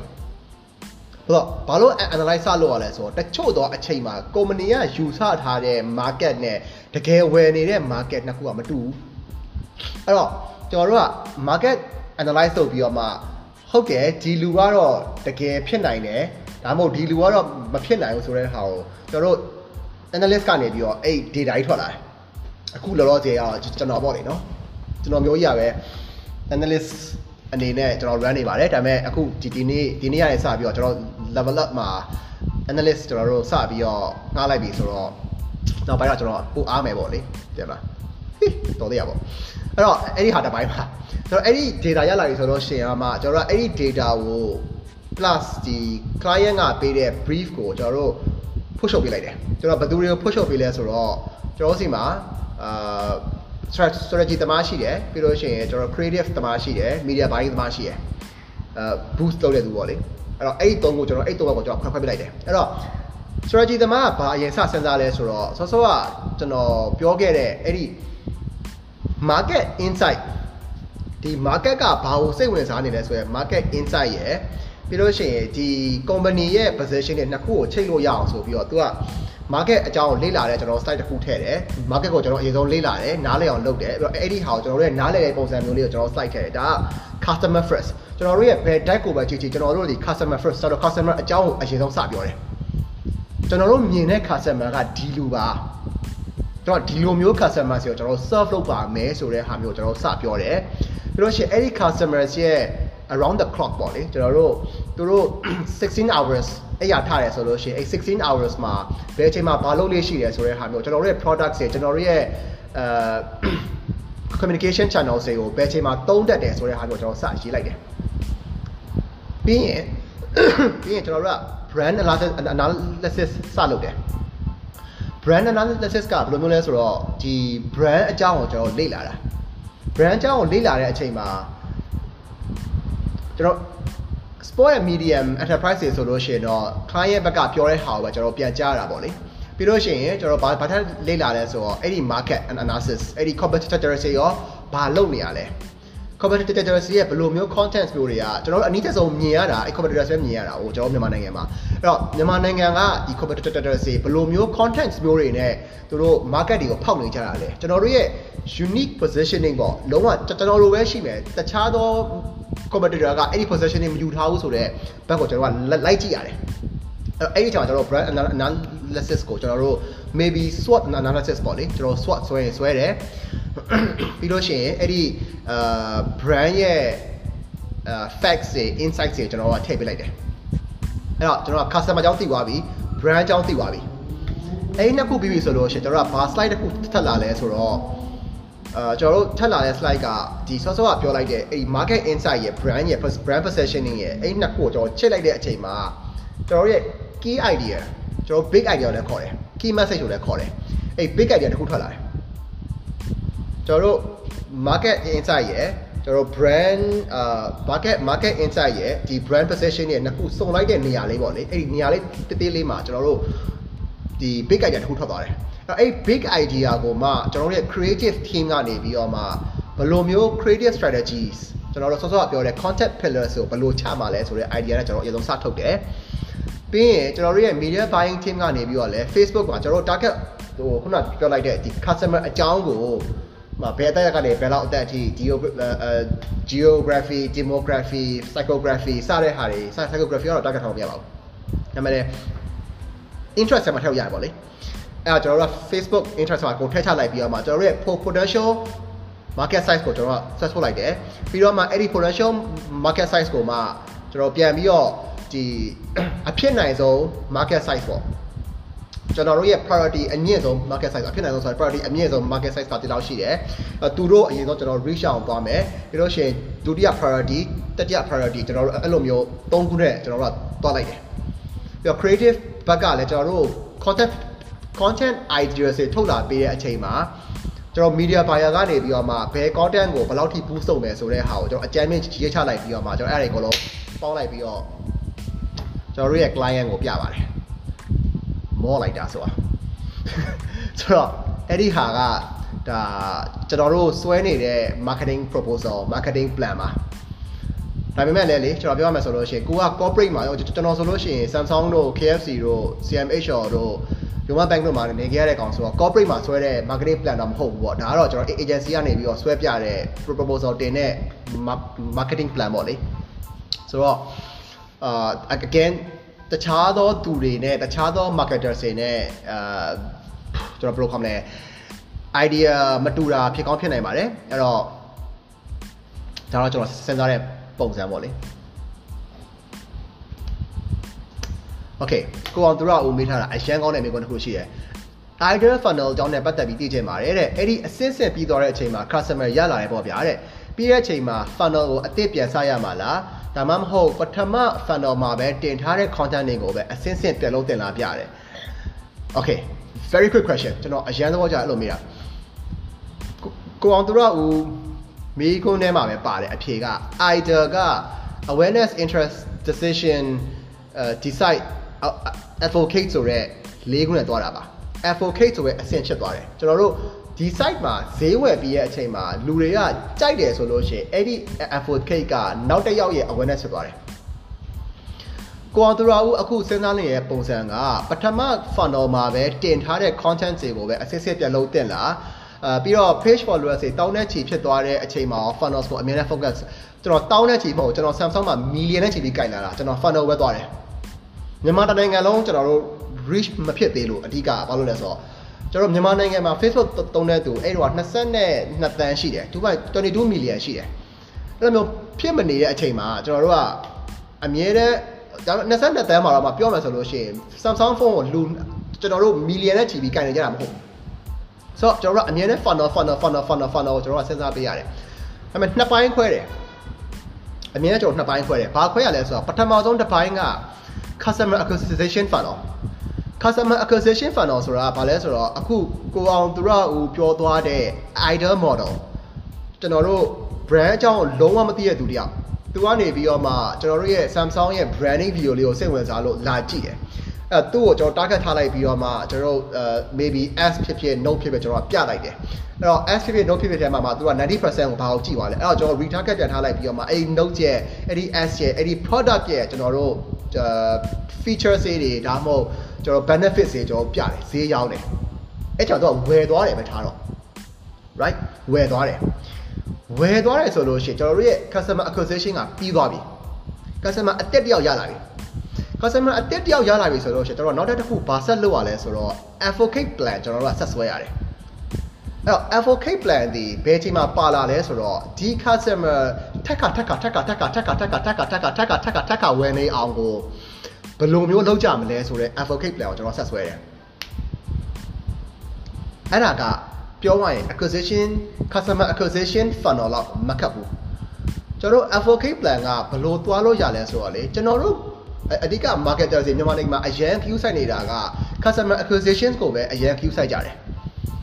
advocate လုပ်မဲ့ customer retention ကိုအဲ့လောက်ကြီးဂရုမစိုက်ကြဘူး။ မှန်တကယ်က retention ကပိုလွယ်တယ်။ဘာလို့ဆိုတော့ကျွန်တော်တို့ product ကို customer တွေအနေနဲ့က experience လုပ်ပြီးပါပြီ။ကျွန်တော်တို့အယောင်ပုံစံတွေကို customer သိတယ်။ကျွန်တော်တို့ရဲ့ဘယ်လိုမျိုးဈေးကျွန်တော်တို့စီမှာဘယ်လိုဈေးဝယ်ရမလဲကျွန်တော်တို့ဆိုင်တွေဘယ်မှာရှိနေလဲကျွန်တော်တို့ product ရဲ့ benefit တွေဘာတွေလဲဆိုတော့ customer ကသိပြီးသား။အဲ့တော့ကျွန်တော်ကဘာဘာထက်လုပ်လဲဆိုတော့သူတို့ကျွန်တော်တို့ပထမအဆုံးလုပ်တာကတော့ Gary V ရဲ့ကျွန်တော်စကားလေးမှာသုံးပါမယ် Thank you economy Thank you economy ကကျွန်တော်တို့ social media မှာအရန်ကြီးတာသွားတဲ့ပုံစံမျိုးပါကျွန်တော် KFC မှာလုပ်ခဲ့တာအဲ့ဒီတစ်ခုတည်းကျွန်တော်ဒီ advocate တစ်ခုပဲကျွန်တော် run တာကျွန်တော် customer acquisition ကိုကျွန်တော်0ကျွန်တော်0နဲ့ကျွန်တော်သွားထားတာအဲ့ဒီ thank you economy ကိုကျွန်တော်ဘယ်လိုမျိုး run လဲဆိုတော့ကျွန်တော်အမြဲတမ်းအမြဲတမ်းအမြဲတမ်းအမြဲတမ်းကိုကျွန်တော်ပြောနေတဲ့ community management comment ပြန်ဖြေတဲ့ဟာတွေ message ပြန်ဖြေတဲ့ဟာတွေကျွန်တော်အဲ့ဒါကိုကျွန်တော်သုံးတယ် retention ကိုကျွန်တော်တို့ message ကနေပြီးတော့ retention run နိုင်တယ်ဆိုလို့ရှိရင်အဲ့ဒါတအားကောင်းတယ်ဘယ်လိုမျိုးလဲဆိုတော့လေကျွန်တော်တို့ဈေးဝယ်သွားတဲ့သူတွေကို excel နဲ့ပဲဖြစ်ဖြစ်ထုတ်ချလိုက်ဖြည့်ရင်ဖြည့်ပေါ့လေအဲ့တော့အဲ့လိုမျိုးဖြည့်ရဆိုလို့ရှိရင်ကျွန်တော်တို့ကဘာဖြည့်ခိုင်းလဲဆိုတော့ Facebook နာမည်ရယ် ကျွန်တော် chatbot တွေယူထားတယ်ဆိုလို့ရှိရင်တော့အဲအဲကျွန်တော် manage chat မှာအဲ့ဒီ function ပါတယ်သူကလူရဲ့နာမည်အဲလူရဲ့ Facebook name ရယ်ပြီးလို့ရှိရင်ကျွန်တော်တို့ဟိုနာမည်တွေဘာတွေဖြည့်ခိုင်းမှဆိုလို့ရှိရင်ဖြည့်လို့ရတယ်ပေါ့လေအဲ့ဟာတွေကျွန်တော်မှတ်ပေးထားတယ်အဲ့တော့ဘာဖြစ်လဲဆိုတော့ကိုယ့်ရဲ့ product life cycle ပေါ့လေ product cycle product usage cycle ဥပမာကျွန်တော်နာမပါရှိသေးလဲဆိုတော့ကျွန်တော်ဒီမှာဒီပြစားဘူးရှိတယ်ရှမ်းစေးရှိတယ် အဲ့တော့ဒီရှမ်းစေးတပူးကိုကျွန်တော်3လစားတယ်ပဲထားဒါမှမဟုတ်ကျွန်တော် coffee ထုတ်ထုတ်ဝယ်တယ် big pack ပေါ့လေအထုပ်30ပါတယ်ကျွန်တော်အဲ့ဒါကိုဝယ်တော့နေကြသူကျွန်တော်ကအမြဲတမ်း online ကမှာတယ်ဆိုတော့ကျွန်တော် online မှာနှစ်ပတ်တစ်ခါမှာတယ်သုံးပတ်တစ်လတစ်ခါမှာတယ်သုံးလတစ်ခါမှာတယ်ထားပါတော့တလားတစ်ခါမှာတက်တဲ့သူဆိုလို့ရှိရင်က Messenger မှာကျွန်တော်ရဲ့ purchase data တွေကျွန်တော်မြင်နေရပြီ right အဲ့တော့အဲ့ဒီ purchase data ကိုတခုလုံးတင်တာက Excel ရဲ့ထည့်ထားကြပါကျွန်တော်အဲ့ဒါကို data ကိုအဲ့ဒီ data ကိုကျွန်တော်အရန်နှမျောတယ်မြန်မာနိုင်ငံမှာလေလွတ်သွားတဲ့ data တွေအများကြီးပဲအဲ့ဒီ data ရှိပြီဆိုလို့ရှိရင်ကျွန်တော်တို့ corporate တွေမှာဘာတွက်လဲဆိုတော့ customer lifetime value လို့ကျွန်တော်တို့ခေါ်တယ် customer ဒီဒီတလောက်ကိုဘယ်နှထုတ်ဝယ်ရဲဆိုလို့ရှိရင်သူ့ရဲ့ တသက်စာမှာကျွန်တော်ဘယ်လောက်ထိရောင်းရနိုင်လဲဆိုတဲ့ဟာကိုကျွန်တော်တွက်ယူရတယ်အဲ့တော့တလားတစ်ထုပ်ဝယ်နေတယ်ဆိုလို့ရှိရင်ကျွန်တော်တလားတစ်ထုပ်ကိုကျွန်တော်တို့ brand ပဲဝယ်ပြီးတော့တခြား brand ကို jump လုပ်မသွားအောင်စဉ်းစားပေးရတယ်ပေါ့လေအဲ့ခါကျတော့ကျွန်တော်ကဘာလုပ်ရလဲဆိုတော့အဲ့ဒီ message box ထဲမှာပဲပြန်သွားသွားပြီးတော့အကိုအဆင်ပြေလားကျွန်တော် sales သမားတွေရှိတယ်ဗျာဒီ city mart တို့ဒီကုံစုံဆိုင်တွေမှာဘာမှမလုပ်ဘဲနဲ့မတက်ရနေတယ်ဒီပုံကြီး သူတို့မတက်ရက်ဖို့ပတ်စံပေးထားတာမဟုတ်ဘူးလေကျွန်တော်ဈေးရောက်မှုပတ်စံပေးထားတာလေ right ကျွန်တော်ကြားလို့ရှိရင်စေပြီးတိုင်းလာလာလာထိုးတော့မယ်ဆိုကျွန်တော်ကသူတို့လူကိုတော့မှပတ်စံပေးနိုင်တယ်ဆိုလို့ရှိရင်ကကျွန်တော်တို့ဘာကြောင့်ဒီ digital မှာရောင်းတဲ့ community manager တွေကိုလည်းပတ်စံမပေးဘဲနဲ့ပတ်စံပေးပြီးတော့များများမငှားခိုင်းရတာလေများများမလုပ်ရတာလေအဲ့တော့အဲ့ messenger ဆဲမှာကျွန်တော်တို့က okay ဒီနေ့တော့ဒီအယောက်20ရှိရယ်သူတို့သွားစကားပြော သူတို့သွားပြီးတော့ chat လုပ်ပြီးရင်ကျွန်တော်တို့ဆီကနေပြီးတော့မှဒီသူတို့အတွက်ကို promotion loyal customer အနေနဲ့ VIP အနေနဲ့ကျွန်တော်ဘယ်လို promotion တွေပေးလို့ရပေးလို့ရတယ် individual level အလောက်အထိကိုကျွန်တော်သွားလို့ရတယ်အဲ့တော့ အဲ့ဒီနည်းနဲ့ကျွန်တော်တို့ customer retention plan ကိုကျွန်တော်ဆွဲလို့ရပါတယ် control အဲ့တော့ကျွန်တော်ပြောသလိုကျွန်တော်ပြောတဲ့ဟာကလည်းအာပြောရရင်ဒါ scratch the surface ပါအရန် top line idea ဖြစ်ကောင်းဖြစ်နိုင်တယ်ဒါပေမဲ့အသေးစိတ်သိချင်တယ်ဆိုလို့ရှိရင် customer retention marketing ဆိုပြီးတော့ Google ခောက်ကြည့်လိုက်ပါအများကြီးကြောင်ထွက်လာပါလိမ့်မယ်နော် Okay ကိုရဲနောင်အာတထေးကြိုက် product ဒီစားသောက်ကုန်လုပ်ငန်းကျွန်တော်တို့စပြီး launch လုပ်တာ congratulation ပါဒါ bold move ပါကျွန်တော်တတိထားမိတယ်ဟိုထမင်းတုပ်ပြီးကျွေးတာတွေအာပြီးလို့ရှိရင်တခြားသောဒီဒီ marketing activities တွေကိုကျွန်တော်ထင်တယ်ကိုငွေထွန်းတို့ဟို genius နဲ့ genius ကလုပ်တဲ့ပွဲမှာ data ထွက်ကုန်အစားအစာများလားမသိအဲ့ပွဲမှာဟိုကျွေးနေရတယ်ကျွန်တော်တတိထားမိပါတယ် hot fell ပါဟိုဝမ်းသာပါတယ်အခုအတွက်ကိုအဲ့တော့ ဒါတော့ကျွန်တော်ပထမဆုံးအာပြောချင်တာပါဒုတိယတစ်ခုက printing လုပ်ငန်းအတွက်ဘယ်အချိန်မှာဘလို့လူမျိုးအသက်မျိုးကိုဘူးဆုပ်တင်လဲဆိုတဲ့ဟာကလေကျွန်တော်ကတော့ဘလို့လူမျိုးဘလို့အသက်မျိုးကိုဘူးဆုပ်တယ်ဆိုတာထက်အခု bro တို့စီမှာလာပြီးတော့ရောင်းနေဝယ်နေတဲ့သူတွေကိုကျွန်တော်အရင်ဆုံးပြန်ကြည့်စေချင်တယ်ဒီအချိန်မှာဘာလို့ bro က printing လုပ်နေရကြားလာပြီ right bro ရဲ့ business က bro အသိဆုံးအဲ့တော့ကွင်းအောင် business ကိုကိုအသိဆုံးဆိုတော့အခုကွင်းအောင်စီမှာလာပြီးတော့အပ်နေတဲ့လူတွေက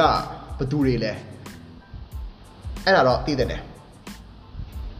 ပြီးတော့လက်ရှိအချိန်မှာကျွန်တော် hot အဖြစ်ဆုံးကပြောမယ်ဆိုလို့ရှိရင်လေ agent business agent industry အဲ့တော့ဒီ printing လုပ်ငန်းအတွက်ကိုကျွန်တော် agent တွေအနေနဲ့ online မှာပဲမဟုတ်ဘဲနဲ့ offline မှာပါကျွန်တော်တို့ vinyl လေးထောင်ထားတာပဲဖြစ်ဖြစ်ကျွန်တော်တို့အိမ်ရှိမှာ vinyl ကတ်ထားတာပဲဖြစ်ဖြစ်ဒါမှမဟုတ်အိမ်ရှိ veranda မှာစာလေးချိတ်ထားတာပဲဖြစ်ဖြစ်လုံးချင်တယ်ဆိုလို့ရှိရင်အဲ့လိုလုံးနိုင်ပါတယ်ဆိုအဲ့တနိုင်တစ်ပိုင်းပုံစံမျိုးလေးကျွန်တော်တို့သွားမယ်ဆိုလို့ရှိရင်လည်းသွားလို့ရအောင်ကိုကျွန်တော်တို့လုံးလို့ရပါတယ် right ပြင်စားတော့ကုံကတော့လေ bro အာပြောရရင်ပြောရရင် bro ငပိရောင်းတာ right ဆိုတော့ကျွန်တော်ကျွန်တော်သိတဲ့လောက်က bro ငပိရောင်းတာဆိုတော့စားတော့ကုံလုပ်ငန်းကကျွန်တော်ကတော့ဘာလုပ်ချင်လဲဆိုတော့လေဟို mukbang ပုံစံမျိုးကျွန်တော်ပို့ပြီးသွားစေချင်တာဆိုတော့မြန်မာမြန်မာတွေမှာငပိနဲ့စားတဲ့ဟာတွေအများကြီးပဲဗျာငပိကြောငငပိရေငပိကောင်ငပိချက်ငပိရေချိုးတယ်မလားပြီးရင်အများကြီးရှိရယ်အဲ့တော့ ဟင်းတွေထဲမှာလည်းငပိထက်ချက်တဲ့ဟာမျိုးတွေလည်းအများကြီးရှိရယ်ဆိုတော့ကြတော့ mukbang နဲ့ကျွန်တော်တို့တွဲလိုက်နိုင်တယ်ဆိုလို့ရှိရင်ကဒါတို့ကိုရန်အောင်ရဲ့ business ကိုကျွန်တော်တို့အများကြီးပို့ပြီးဖြစ်သွားနိုင်တယ်ပြီးတော့ကျတော့ဟိုငပိဆိုတဲ့ဟာကိုကျွန်တော်တို့ကဟိုဘယ်လိုခေါမလဲလူငယ်တွေကြားထဲမှာအခုကဟိုငပိရေတို့ဘာလို့ကြတော့တတချို့တော့လူငယ်တွေကနည်းနည်းနန်နယ်တို့ဘာလို့အဲ့လိုမျိုးမကြိုက်တဲ့ sentiment လေးရှိရပေါ့လေဆိုတော့ကြတော့အဲ့ဒီဟာကိုအရင်ဆုံး အဲ့ sentiment ကိုကျွန်တော်ဘောင်းမြန်နှံနေတာပေါ့အရင်ဆုံးကတော့တက်မလားဟိုကျွန်တော်တို့နန်းနန်းမေလိုပဲဗျာပြောမယ်ဆိုလို့ရှိရင်အဲ့တော့နန်းနန်းမေကိုအခုဒီ advocate လုပ်လုပ်တဲ့သူတော်ရှိရင်နန်းနန်းမေကိုကြိုက်တဲ့သူကလည်းအရင်ကြိုက်တယ်ကျွန်တော်ဆိုငပိအရင်ကြိုက်တယ်ဟိုလောက်ရမှာလားကျွန်တော်လောက်ဝင်လို့ငပိဖြော်တာတွေဘာတွေကကျွန်တော်လောက်ဝင်တော့တာကျွန်တော်မလုပ်ဖြစ်တာအမေအဲ့နန်းနန်းမေလို့ပါတော့ကျွန်တော်အရင်ကြိုက်တာဆိုတော့ ပေါ့ငငငပြည့်တော့ကျွန်တော်အရင်ကြိုက်တာဆိုတော့အဲ့နန်းနန်းမေလေးနဲ့ကျွန်တော်ဦးစားပေးပြောချင်တယ်ပေါ့လေအဲ့တော့အဲ့ဒီငပြည့်ရေချိုးကိုဒီ advocate လုပ်ပေးနိုင်မဲ့ food bloggers တွေနဲ့ကျွန်တော်လက်တွဲလိုက်ပြီးတော့မှဒီ mukbang စားပြတဲ့ပုံစံမျိုးတွေကိုကျွန်တော်သွားလို့ရတယ်အဲ့ဒါဆိုလို့ရှိရင်ဒါကျွန်တော်တို့ပို့ပြီးတော့အာ effective မယ်လို့ထင်တယ်ဘာလို့မြန်မာနိုင်ငံမှာလေ bro အခု bro မေးသလိုပဲပြောရရင်တော်တော်များများက boosting ကိုဘယ် run ရမလဲပဲစဉ်းစားနေကြတာ ကျွန်တော်က boosting ကိုဘယ် run လဲကျွန်တော်မစဉ်းစားဘူးကျွန်တော်က customer တွေကိုဘာ content hack ထိအောင်ပြရမလဲဆိုတဲ့ဟာကိုကျွန်တော်ကစဉ်းစားတာဘာလို့ boosting ကပြောမယ်ဆိုလို့ရှိရင်က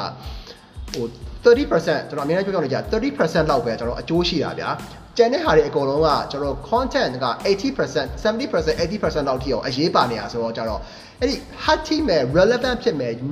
စိတ်ချိတ်လို့ရမဲ့ content မျိုးလေးတွေကိုကျွန်တော်စဉ်းစားစေချင်တယ် အဲ့ဒါရပြီဆိုတော့မှအဲ့ဒီ content ကိုကျွန်တော်စောစောကဒီဒီ multiple asset ပေါ့လေဖြန့်ချလိုက်ကျွန်တော်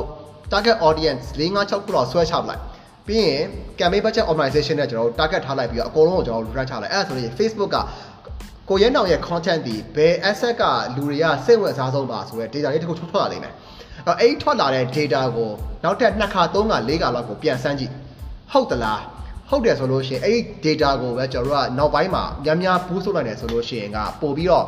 effective ဖြစ်နိုင်မယ်လို့ကျွန်တော်ထင်တယ်အရေးကြီးတာ content ပါ media buying media buying ဆိုတာတဲ့ကျွန်တော် content ကို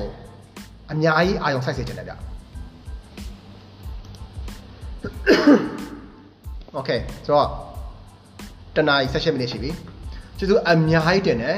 အာ okay ကျွန်တော်ကိုလင်းရဲ့ IA ကိစ္စကျွန်တော်မဖြေထားပါဘူးဘာလို့လဲဆိုတော့ကျွန်တော် မသိလို့ပါကျွန်တော် media သမားမဟုတ်ပါဘူးဆိုတော့ကျွန်တော်အဲ့ဒီ IA ကိစ္စတွေဒီ monetization ကိကိစ္စတွေကျွန်တော်အများများဆဆပြောပြလို့မရပါဘူးအဲ့တော့စိတ်စိတ်မရှိပါနဲ့ဟုတ်ပြီဆိုတော့ကျေးဇူးအများကြီးတင်တယ်အာကျွန်တော်တို့အခု